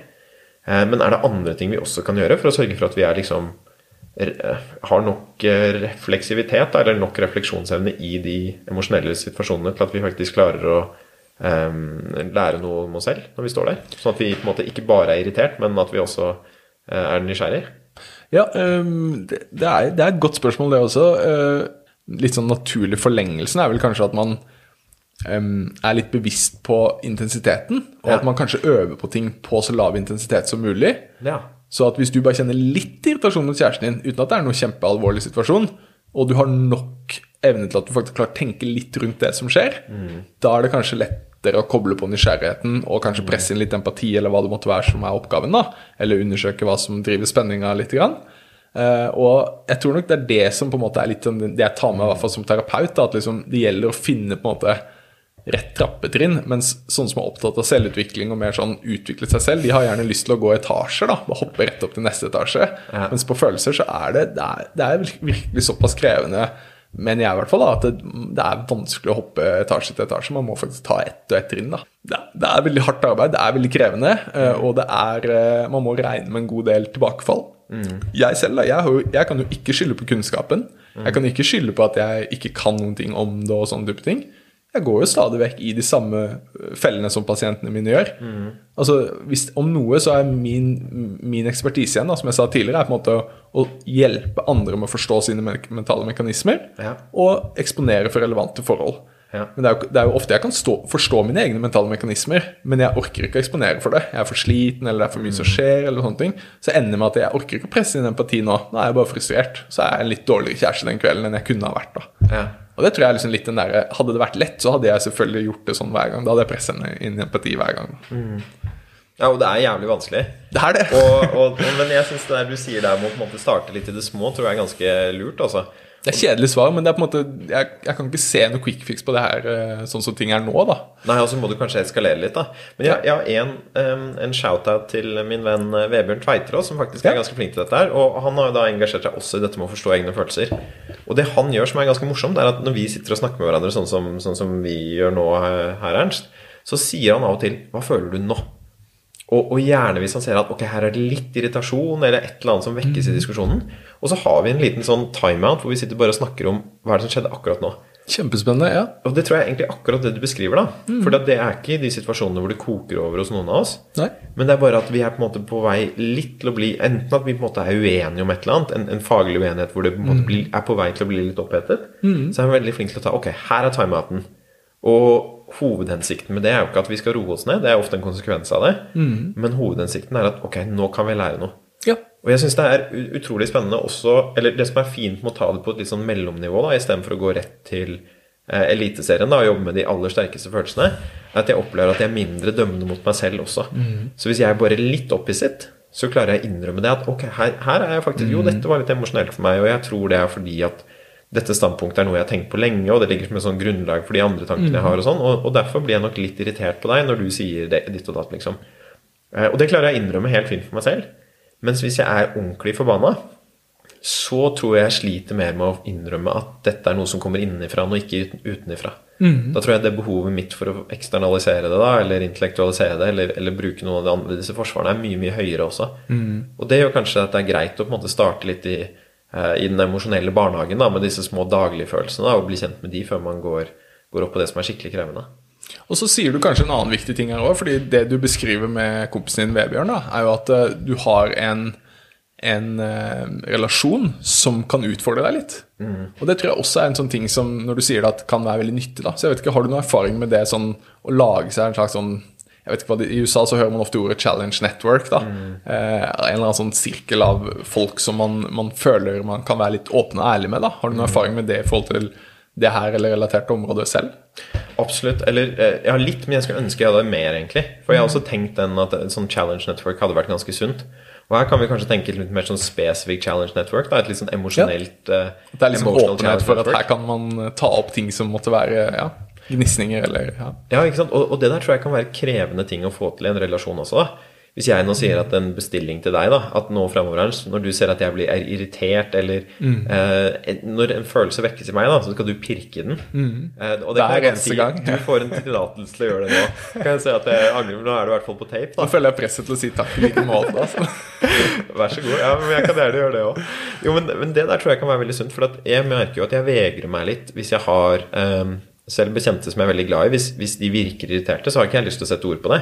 For det er nesten litt sånn ufint å si mm. nå, nå, er du irritert'. Og da blir jo kanskje svaret sånn 'Nei, jeg er ikke sint, jeg'. Mm. Eh, så det å gi andre en tillatelse, det tror jeg er veldig sunt. Mm. Um, jeg har ikke brukt det på følelser. Jeg har brukt det på, um, på når, jeg, når, jeg, skriver, altså jeg, som en del av doktorgraden min, å si at uh, man utnevner noen til å være sine 'beautiful enemies' eller 'nasty friends'. Jeg har hørt begge ord bruke om det, da, men som er på en måte kritikere. da som skal kritisere deg fra et sted av kjærlighet. Ikke sant? Ikke fordi at de vil deg vondt, men fordi at de vil at du skal bli bedre. Eh, og jeg har et godt samarbeid nå med en, en kollega på NHH som jeg skriver et paper sammen med, hvor vi sier at vi skal red-teame det den andre skriver. Som egentlig betyr akkurat det, da, at du skal gå inn og utfordre det. Og eh, være, eh, være, den verste motstanderen av, det delen av, av teksten da, som den andre har skrevet. Uh, og det er jo tidvis ubehagelig, og det vekker absolutt gnisninger og sånn uh, innimellom når man går inn i dette her. Jeg merker jo jeg blir irritert av og til da. Så det blir uh, også litt emosjonelt utfordrende nå, da? Selv om det er primært en akademisk Absolutt, og det tror jeg er fordi at jeg identifiserer meg jo veldig sterkt med det jeg skriver. ikke sant? Mm. Og det å være på en måte en, en, smart person som evner å formulere gode setninger, det er liksom det er den jeg er, og det er derfor andre har grunn til å være glad i meg. liksom. Jeg tror det mm. er et narrativ som sitter ganske sterkt i meg. Og det gjør jo at å, å, ta sånne tilbakemeldinger blir ganske tøft. Men jeg tror vi har veldig godt av det. altså. Nå, det er litt interessant det du sier der, da, for nå er jo du litt personlig og deler litt at man har litt sånne eh, ønsker for hvem man er og hvordan man skal fremstå og sånn. Og det, det, kan jo også, hvis vi skal være litt introspektive, så kan jo det også være noe årsak til konflikten min i starten. Mm. At en del av meg tenker at ja, men jeg har jo så mye kunnskap om det her. Ja. Men så har jeg også eksempler fra siste uka, da, hvor jeg har tråkka utafor den stien jeg vet jeg burde gå på. da, mm -hmm. I nære relasjoner, f.eks. Og at det blir en slags konflikt mellom ønsket om å fremstå som en dyktig fagperson som har alt på stell, da, mm. men så er jeg også et normalt menneske som eh, kan bomme litt på de tingene jeg trodde var åpenbart at jeg skulle treffe. da, Og mm. det kan jo være noe av konflikten jeg kjente på i starten, siden jeg visste temaet var følelser. da. For jeg, jeg, tenker at det med identitet, da, hvem er det vi ønsker å presentere oss eh, som for andre, da, og hvem er det vi ser på selv oss, det, det må jo være en kilde til følelser. Og, og, vi har jo vært litt på det, det er sikkert bagasje fra barndommen som på en måte kan forklare hvorfor er det jeg reagerer akkurat sånn som jeg gjør, da. Og så tror jeg veldig ofte er at et eget selvbilde, da, og mm. hvorvidt jeg på en måte lever opp til det eller ikke, er nok en, tenker jeg i hvert fall for egen del, en stor kilde særlig til negative følelser. Men også til positive følelser som stolthet og, og glede ja. og sånn også. da. Men jeg merker jo det f.eks. Um, med ja, igjen kjæresten min, da, når jeg prøver å på en måte pitche en idé, eller dette kan også være til veiledere eller til kolleger, hvis jeg har en idé for et paper som jeg går og sier at dette her er en skikkelig god idé, her har jeg sett et eller annet som jeg syns gir mening, dette er på en måte teoretisk spennende, det har praktiske implikasjoner, full pott, liksom. Sånn funker det. Og hvis det ikke blir møtt med stormende jubel, så gjør det skikkelig vondt, altså. Og der tror jeg det ikke sant? Igjen da, her er det jo Det er jo ikke noe farlig. Ikke sant? Det er ikke noe objektivt farlig som er truende der. Men, men, det kan vekke både irritasjon og sinne og til og med litt sånn sorg i meg at, at andre sier det på den måten. Fordi at jeg føler da, tror jeg da, at selvbildet mitt er truet også. Mm. Så jeg tror jo det å på en måte kjenne på egne følelser er en veldig god måte å, å også finne ut av hvem er det jeg opplever at jeg har et behov for å være da, i møte med andre mennesker òg. Eh, en annen sånn praksis jeg tenkte og fordi at um, Det er jo krevende liksom, hvordan går du fram for å, for å bli kjent med egne følelser. Eh, jeg skal pitche én praksis til deg nå, som, som, er litt sånn eh, Den er hippie-inspirert, og jeg lærte det på et sånt yogakurs. Så vil jeg høre om er det noe i dette her eller ikke. Eh, og det var noe som het Osho Kondolini, som hadde det fancy navnet der. Som var en øvelse som vi gjorde tre dager på rad på denne yogaskolen om morgenen. Og den varte ca. 40 minutter. Og det man skulle gjøre da, var at vi først sto og, og danset med bånd foran øynene til musikk. Og bare liksom komme inn litt i flow og koblet av hverdagen og komme litt sånn inn i oss selv. Og så på et tidspunkt så stoppet musikken, og da skulle du kjenne etter hva føler du nå akkurat nå. Og så skulle du utagere ekstremformen for den følelsen. og, og, tanken der var jo at hvis du på en måte kobler litt av verden, akkurat det som skjer her nå, så vil det dukke opp en del følelser som kanskje er til stede hos deg i hverdagen, som du ikke får lov til å leve ut helt. Eh, jeg hadde mange forskjellige følelser. Stolthet, blant annet, som jeg føler at jeg ikke fikk gjøre nok eh, hjemme. Som det var litt sånn spennende å kjenne på at Kanskje jeg har et behov for å vise stolthet, som jeg kanskje ikke får gjøre, da, for det er kanskje litt jantelov eller sånt her hjemme. Og andre dager så kjente jeg på sinne, og jeg kjente også på sorg en dag også, da. Um, og, og resonnementet bak denne øvelsen her var jo at ved å på en måte få lov, eller få en arena hvor det er lov å utagere en følelse, så kan du komme da mer i kontakt med den også. Tenker du at uh, dette er hippie-dippie bullshit, eller eh, er de inne på noe når vi uh, skal bli kjent med egne følelser gjennom bare på en måte vise fram en ekstremversjon av noe du kjenner på. Første ting som slo meg litt, var at det var litt interessant at du kjente på stolthet, sorg og sinne. Det var for de tre du nevnte. Mm. Jeg tror det var det jeg kjente på, altså. Ja, For alle de er jo på, på sett og vis tilknytningsfølelser. Og jeg er jo av den eh, forståelse av følelser at vi har veldig mange følelser, men de mest interessante, syns jeg som terapeut, er jo tilknytningsfølelsene. Ja. Og det er tilknytning, som det handler om på en måte, det er noe som hjelper oss å regulere relasjoner med andre mennesker. da. Riktig. Ja. Som vi snakket om i stad, sorg og frustrasjon kan bli skyldfølelse, så de tre er åpenbart viktige. Så kan man også få sorg for å se hvordan man har f.eks. vært eh, skrudd ned empatien hver gang gjennom livet sitt. Så kan man ha sorg over å se det. Og man kan også vise til de relasjonene rundt seg. Hvis man sitter for i en sorgposisjon da, hvor man holder, dekker hendene til ansiktet, og så sender man ut signaler som betyr at 'nå har jeg det ikke helt bra, jeg trenger litt støtte'. Og, og dette er jo veldig interessant. Jeg tenker at Vi snakket om at følelser er informasjon. ikke sant? Og det er jo informasjon for meg selv, men det er også informasjon for omverdenen også. da. og det tenker jeg er en, en del som man må huske på for den sosiale funksjonen til følelser også. da. Ja. At det at jeg er lei meg, det informerer meg om at nå er ikke ting sånn som det skal være. Men det informerer også resten av verden om det. Hvis jeg, hvis jeg tør å vise den. Og sinne også er jo noe som informerer andre rundt her at nå må vi ikke krysse flere grenser til denne personen her, for da kommer det til å smelle også. En veldig sterk sosial funksjon, og, og ikke minst i nære relasjoner. Kanskje enda viktigere, for de har du jo ofte daglig kontakt med, eller har en, en nærmere kontakt med. Da.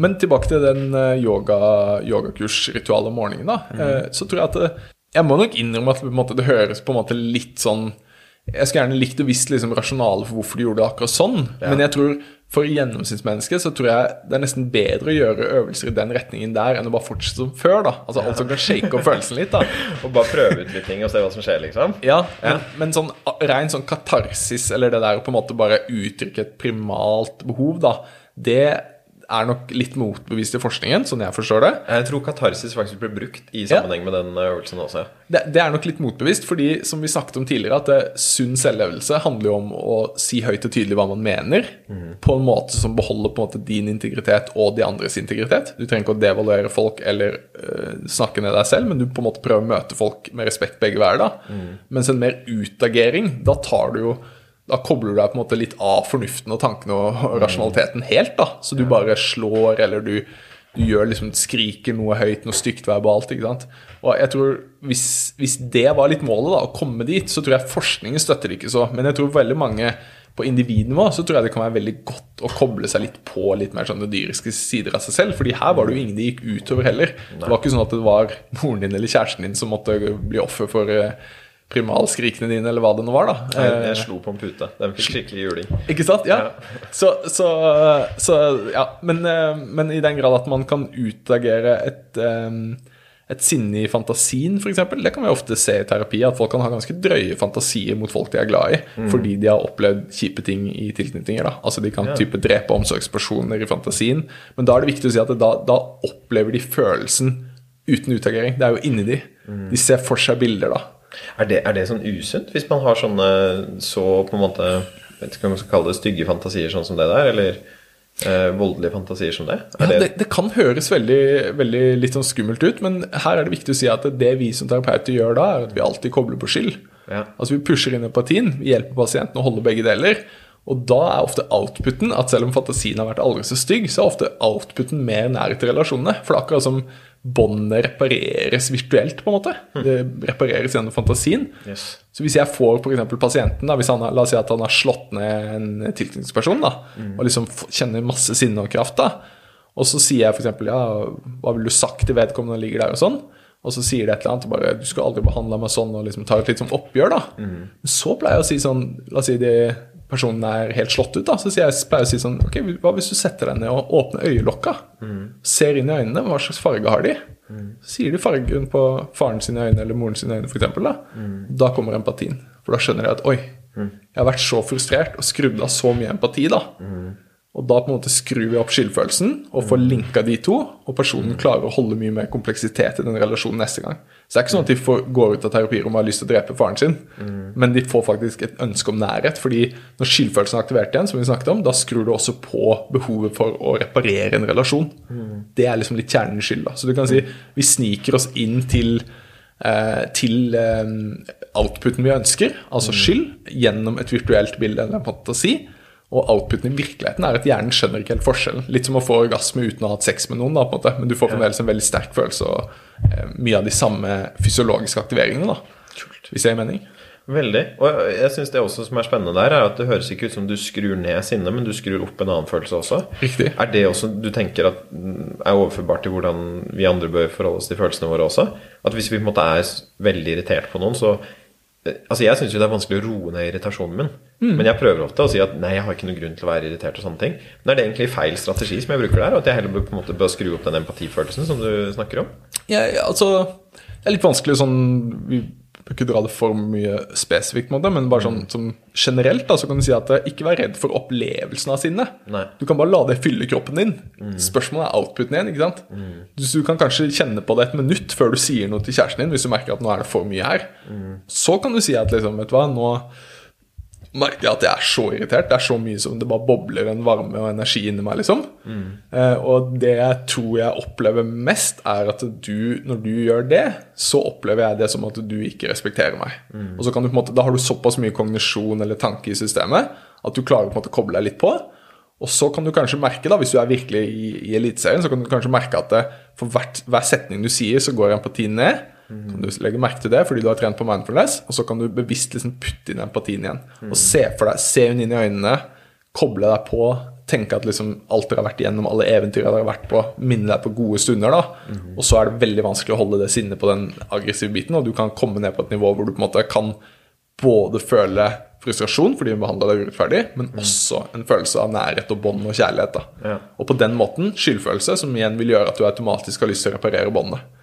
Og da er det pose og sekk og mer til, egentlig, høres det ut som da. Hvis, hvis, Hvis, man igjen, klarer det, da. Det er jo en man klarer det, ikke sant. kompleks affære egentlig å få det til der, altså. Det er veldig krevende, men jeg kan trøste deg med at på, enkle, på, på, måte, på lav aktivering da, så er det her mye lettere. Så jeg ville øvd på liksom den minste aktiveringen du kjenner mot kjæresten din med irritasjon. Eh, Derfor sånn jeg prøver å tenke selv og prøver å anbefale pasientene mine. Bare minste aktivering, prøv å jobbe, jobbe ut derfra. da. Ja. Klarer du å få skvist inn litt empati da, så er det ofte mye lettere å bare koble seg på og innse at faen, det her var jo ikke så big deal. Og, ja. Og kanskje kan du til og med få et hint om at eh, den disrespekten du opplevde med henne, da, det hinter til noe annet da, som, som var enda mer alvorlig, og som gjør at det, liksom, triggerne i dag er ganske små, fordi det er, et, det er noe mer alvorlig som har skjedd. da. Men igjen, vi trenger ikke å gå dit nå. For en ting som vi ikke toucher på så mye, er hvorfor skal man bli kjent med egne følelser? Men hva ligger i på en måte andre enden av å bli kjent med egne følelser? på en måte? Hvordan på en måte ser et liv ut for en person som er eh, man kanskje si i eliteserien da, når det kommer til håndtering av egne følelser, kontra en som kanskje er mer middelmådig eller ikke så flink til dette?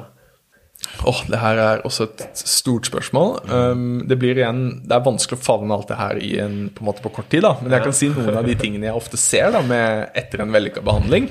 Um, det kanskje første og mest interessante er større tilgang på positive følelser. Ja. Fordi følelseslivet vårt er nå engang sånn at hvis du bruker mye energi på å holde én følelse borte, la oss si negativ følelse, da, så tar Altså følelsessystemet skiller ikke så mye mellom følelser. Hvis du først prøver å skru av følelser, så tar du på en måte med deg litt de andre i dragsuget. Så det betyr ikke at du mister alle de andre, men det betyr at liksom den totale tilgang til følelser vil ofte gå litt ned, eller vil nesten alltid gå litt ned hvis du undertrykker en veldig. Gir det mening? Det der er du- jo fascinerende, og det er jo veldig sånn tydelig. Og jeg er også enig er, eh, det er vel en som jeg har lest mest på emosjonsregulering, som heter Gross. Som, Mm, Ja, han er jo veldig kjent på det, ja, riktig. Ja, og han beskriver jo dette her også i funnene sine. At, eh, at det å prøve å på en måte nedjustere eller tvinge ned negative følelser, det, det på en måte gjør ikke at man får mindre negative følelser, men det gjør at man får mindre positive følelser også. Mm.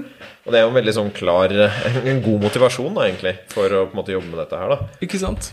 Så da blir jo den motsatte effekten at hvis jeg har brukt hele livet mitt på å undertrykke sinne fordi jeg, jeg blir slått hver gang jeg blir sint, Ja. så hvis jeg klarer å få tilgang til den på en sunn måte og, og, utagere den i verden på Eller utagere, sier jeg, det, det er det du ikke skal. Eh, og formidle den følelsen på en høy, høyt og tydelig og selvlevende måte som er sunn for både meg og de rundt meg. Ja. Hvor jeg klarer å holde både positivt utover eh, og eh, positivt innover på samme tid. Mm. Jeg på en måte har den balansen. Da, eh, da, eh, da vil jeg si at da, da, da kan du si da, Når du blir kvitt det problemet med sinne, så får du også mer av de positive følelsene. Mm. Fordi Akkurat fordi du har undertrykt den, da, så har du også undertrykt det andre litt. Grann. Ja. Så du får en slags positiv effekt. Så det, det er liksom kanskje nummer én. Du får mer tilgang til positive følelser. Glede, eh, engasjement, eh, stolthet, motivasjon. Alle de tingene som de fleste mennesker eh, ønsker å ha i livet sitt. Da. Det, det kan man få mer av. Det er ingen liten oppside. Det er ingen liten oppside. Ja. Um, og en annen ting er at veldig mange opplever at de tenker klarere. Ja.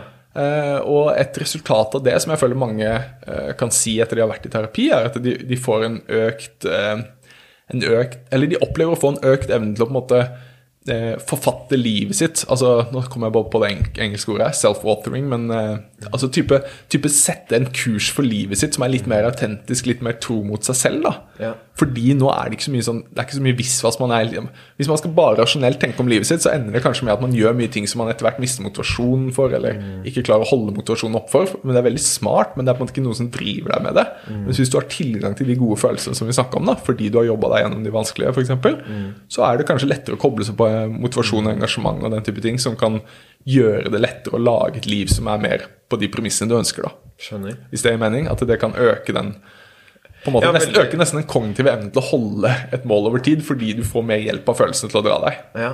Og at det høres ut som du kan koble deg på mål som du egentlig er motivert for også, da. For du blir mer kjent for hva som trigger deg. Riktig. Og så høres det ut som en, en måte her også å, å klare å forstå hva som foregår i ditt eget liv også, da.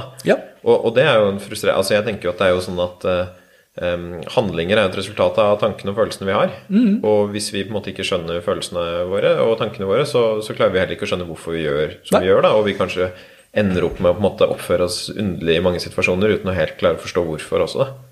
Så det er Mm. vel kanskje også en motivasjon til det òg. Absolutt. Og så høres det ut som dette her med at, at disse følelsene kan De kan spille på laget vårt, og de kan spille litt mot oss også. Mens det å på en måte møte din nysgjerrighet og få liksom røsket litt i hva det egentlig som foregår her, kan, kan være en, en måte å rekruttere de mer over på vårt eget lag på. da. For det høres jo ut som f.eks. hvis man sier at eh, hvis man er en person som merker at man blir veldig irritert på, på en annen person i, i noen sammenhenger hvis, ehm, eh, så, så er det jo ikke sikkert det er så hensiktsmessig. Mens hvis man på en måte klarer å lære dette med å holde flere motstridende følelser, da, som Ja, jeg nå ja. hører at, at man må jobbe med, da, eh, i den samme settingen, så høres det ut som det kan styrke relasjonen til det bedre også. da, Uten at det går på bekostning av egen evne til å sette grenser også. Og hvis du tenker på det da, med styrkerelasjonene, ikke sant? Altså, er det noe veldig veldig mye forskning på livskvalitet, lykke, den type positiv psykologi for eksempel, da, viser, så er det jo nettopp at eh, hvis så lenge du har en eh, minimumsnivå av andre essensielle ting, helse, økonomi og den type ting, Ja. så er nesten det viktigste du kan investere i, er nære relasjoner. Så du kan si at sånn sett er det en slags sånn hack for å øke eh, livskvalitet også, da. Sånn mer direkte, da, gjennom at du får, du får rett og slett bedre relasjoner hvis du klarer å holde kompleksitet. Du trenger ikke å splitte og tenke at kjæresten din er en idiot, men du kan faktisk tenke at det, hun kan være veldig frustrerende, men fy søren hvor glad du er i henne. Ikke sant? Og bare å holde de tingene her i nære relasjoner gjør at det er, det er lettere å få mer glede ut av de og sånn. Og vi er jo, som vi snakket om tidligere, vi, er, vi har et ønske om å være nær andre mennesker og føle, føle nærhet, tilhørighet, trygghet. Og det er en, en, en, en måte å komme dit på, da. Som jeg føler ikke vi må glemme bort, da. Ikke sant. Ja, men Herlig. Jeg syns det var en strålende avrunding egentlig på dagens podkast. Hold kompleksitet og, og bli en eh, lykkeligere og bedre person. Ikke sant? Og finn kursen for livet ditt. Ikke sant? Hva er det du ikke får av å bli kjent med egne følelser? Eh, hvis det er noen lyttere her som sitter og tenker Oi, shit, jeg vil også bli kjent med mine egne følelser. Har du noen på en måte go to-ressurser? Eh, eh, folk å følge, TED Talks, noe annet eh, som man kanskje kan starte på før man på en måte dykker videre ned i dette her? Det er jo sikkert et ormehull på en måte når du først kommer i gang. Men eh, hvor begynner man hvis man vil bli kjent med egne følelser? Jeg tror rett og slett at man kommer ganske langt med nysgjerrighet, da, for å bare ta de tingene vi har snakket om. At bare liksom tørre å være litt nysgjerrig på det, selv om det er litt vanskelig, selv om det er litt utfordrende. Kanskje prøve å få litt mer eh, Challenge network, da, i mangel av et bedre ord. Få litt folk som kan utfordre deg litt. Kanskje en samboer, kanskje en, eh, en god venn ikke sant, som kan utfordre deg litt. Eh, og hvis du virkelig ser at det, det her er noe som biter meg, eh, eller på en måte tar skikkelig tak i meg, da, og sånn, så kan man jo prøve seg på noen selvhjelpsprogrammer. Det finnes en del gode ting på nettet nå. Nå, nå kommer jeg ikke på noen i farta, men jeg vet det finnes en del som er basert på forskning og som er bra, så man kan kanskje søke og finne litt det man er ute etter. Både alt fra ja, å kartlegge de til å mer lære å håndtere de. Eh, hvis man føler at det heller ikke hjelper, sånn, hvis man ser på en litt sånn eh, det kan begynne med en slags sånn e på egen hånd, og så søker man litt ressurser, som selvhjelpsprogram. Så kan kanskje neste step kan kanskje være kognitiv terapi. For jeg tror veldig mange kan ha Så er det mer enn nok da, til å klare å få mer orden på det og sånn. Så selv om hovedfokuset er på tanker, så er det fremdeles veldig mye Det har jo en stor emosjonell komponent i den også. I hvert fall sånn som jeg lærte det når jeg, når jeg var i terapi selv. Ja, absolutt. absolutt, Så det, det er ikke noe å kimse av det. Og så kan du heller si at hvis til og med ikke det skulle hjelpe, da, så kan man vurdere å Eller, at man bare har kjempenysgjerrighet, da, så kan man vurdere å søke terapi. Ja. Og da vil jeg anbefale en følelsesorientert eh, tilnærming enn som bevisst går inn for det, fordi da får du en mer Da får du på en måte en mer em, da, da starter du med fokus på det, da, som vi snakket om. Ja. Men det er ikke noe, noe must, men det er på en måte kanskje den, den delen hvor um, La oss si du faktisk ikke får løst opp i noe. Du, du vet ikke hvordan du skal løse det, og du går igjen, og du skjønner ikke hvorfor du blir et eller annet skjer i en relasjon. da. Så må jeg bare minne om at det finnes et sånt alternativ, men jeg sitter ikke det her og sier det her nå fordi jeg prøver å få, få deg som pasient, men heller fordi det er, det, er, det er viktig å vite at det finnes Det går an å få hjelp, da, selv om man ikke det ikke har hjulpet med et selvhjelpsprogram eller en selvhjelpsbok eller å snakke med noen venner eller samboer. da. Ikke sant. Og jeg syns det er fint du tegner opp som et slags sånn kontinuum også, på en måte, med at man kan ja, starte med det som er lest tilgjengelig, og så kan man eskalere deretter, da, avhengig av hva man ser behov for. Og bare det vi har snakket om i dag, spesielt, kanskje spesielt det med kompleksitet. da, Å tenke litt sånn samme som man ofte gjør med sånn som du innen forskning. da, At man prøver veldig mange områder av livet så er det ting som hjernen har lyst til å gjøre det mer svart-hvitt enn det egentlig er. da, Og sånn er det litt på følelser også, spesielt når man har hatt opplevelser som ikke har vært optimale. Så er det veldig lett for hjernen å skru opp og ned litt følelser, sånn at den slipper å holde ting likt, og at eh, de fleste kan gjøre den analysen litt med seg selv og spørre seg skrur jeg mest ned frustrasjon eller skrur jeg mest ned empati eh, når det blir konflikt i nære relasjoner. Og bare det er jo noe man kan begynne å jobbe litt med, da, men ja, da gjerne på mindre intensitet i starten. Det er en ting jeg skulle ønske at eh, flere visste om. Da. Det er derfor jeg kanskje legger litt ekstra trykk på det nå, for jeg tenker at det har vært veldig nyttig for meg, og jeg ser at det er veldig nyttig for folk i, i terapi da, å få øvd på det. Jeg tror det er den kommer jeg til å ta med meg. altså. Ja. Særlig den med å prøve det i noen relasjoner. Eh, hvis jeg skal ha noen av mine tips, så, så tenker jeg at en, Ja. en måte jeg har gått frem på for å logge følelsesmønstre, er, er dette her rammeverket innen kognitiv terapi, hvor du skriver situasjoner, tanker, følelser og sånn handling. Og så har jeg laget et Google Form som jeg bare har laget et, et shortcut til på mobilen min. At hvis jeg er i en situasjon hvor jeg har lyst til å logge hva følte jeg nå, så er det egentlig bare å trykke seg inn på dem og, og beskrive på en måte dette her i de fire boksene. Og så sender jeg det til meg selv. Sånn at jeg får jo da en flytende smart. logg. Så dette er ganske enkelt å sette opp gjennom en sånn Google Form. Ellers så hvis jeg skal ha noen bokanbefalinger på, på følelser, så er det um, Dette er mer sånn grunnbøker om følelser, som jeg tror kan være gode steder å starte. Eh, Elisabeth Normann, norsk professor på UiB, har en bok som heter 'Affekt og kognisjon'. Som er en ganske akademisk bok som handler om sammenhengen mellom tanker og følelser. Som jeg syns er en god introduksjon. Um, en bok som heter 'How Emotions Are Made' av Lisa Feldman Barrett. Ja, den kan jeg også anbefale. ja. Den Ja, handler mye om det med prediksjoner og ja. Ja, Hun er veldig på prediksjonsmodellen av det. eh, Og jeg syns jeg er flink til å sy sammen eh, både biologi og kultur da, for å forklare hvordan eh, vi får det følelseslivet vi får. Så dette ja er mer en den støtter jeg meg bak. Ja. Nice. Eh, Siste er en som heter Descartes' error av Antonio Damasio. Som også er beskriver og er- har en mer sånn biologisk tilnærming til følelser også. Den Kobler bl.a. følelser til homoestase og, og Ja. mer sånn grunnleggende biologiske mekanismer, som jeg syns også er god. De, de er jo på en måte bøker, Alle de tre bøkene har jo på en måte ganske abstrakte ting som er, kan bli eh, ganske teoretiske, men jeg syns at jeg må få et sånt grep om rundt hva, hva er det dette egentlig er for noe. da Det har hjulpet meg med å få innsikt i, i det mer personlige siden av egne følelser. Og det er viktig å si at følelser har eh, en rekke koblinger til mer sånn fysisk helse òg. Så det at det er en del av homostasen, det er ikke gjensidig utelukkende for de tingene vi har snakket om i dag. Mm. fordi det er veldig mye tarmproblematikk og eh, nakkesmerter, ryggsmerter og sånn som er relatert til følelsesmessige forhold. Ikke alt sammen, selvfølgelig, men at det kan være en link der, og at det gir veldig mening at det kan være en slags sånn kroppens måte å holde balanse på. da. Det er ikke bare bedre relasjoner og, og, og klare retning for livet. Du blir flinkere kanskje til og med til å bæsje. Ikke sant? Ja. Ikke sant? Herlig. Og så, Jeg kom på én bokanbefaling, hvis jeg kan skyte det nå helt på slutten her. og Det så. er eh, en amerikansk forfatter som heter John Fredriksen, som har skrevet en eh, populærvitenskapelig eh, Jeg vet ikke om jeg kan kalle det en selvhjelpsbok, men det er ikke så langt ifra heller. Som heter The Lies We Tell Ourselves. Ja. Eh, og den er veldig på det her med hvordan følelser henger sammen med beskyttelsesmekanismer og sånn, og hvordan vi på en måte mye bruker store deler av livet, på, livet vårt på å unngå virkeligheten. da. Både på utsiden, men også på innsiden i følelseslivet vårt. Og den kan jeg sterkt anbefale relatert til det tingene vi har snakket om i dag. da. Jeg solgte allerede. Og den er ganske tett knyttet til ISTDP, sånn som jeg skjønner Det er det. Han er også en av de liksom ledende der. Men han har veldig variert bakgrunn, så han har liksom kommet inn i det med en sånn akademisk nysgjerrighet da, og forsker og sånn i dag. da. Herlig. Tusen takk, Ernst. Tusen takk for eh, tiden din på å snakke om følelser her. Det Takk like måte. Det har vært- Det har vært en glede for meg også, så det her eh, har jeg veldig lyst til å gjøre igjen en dag. Det blir masse gjentakelser.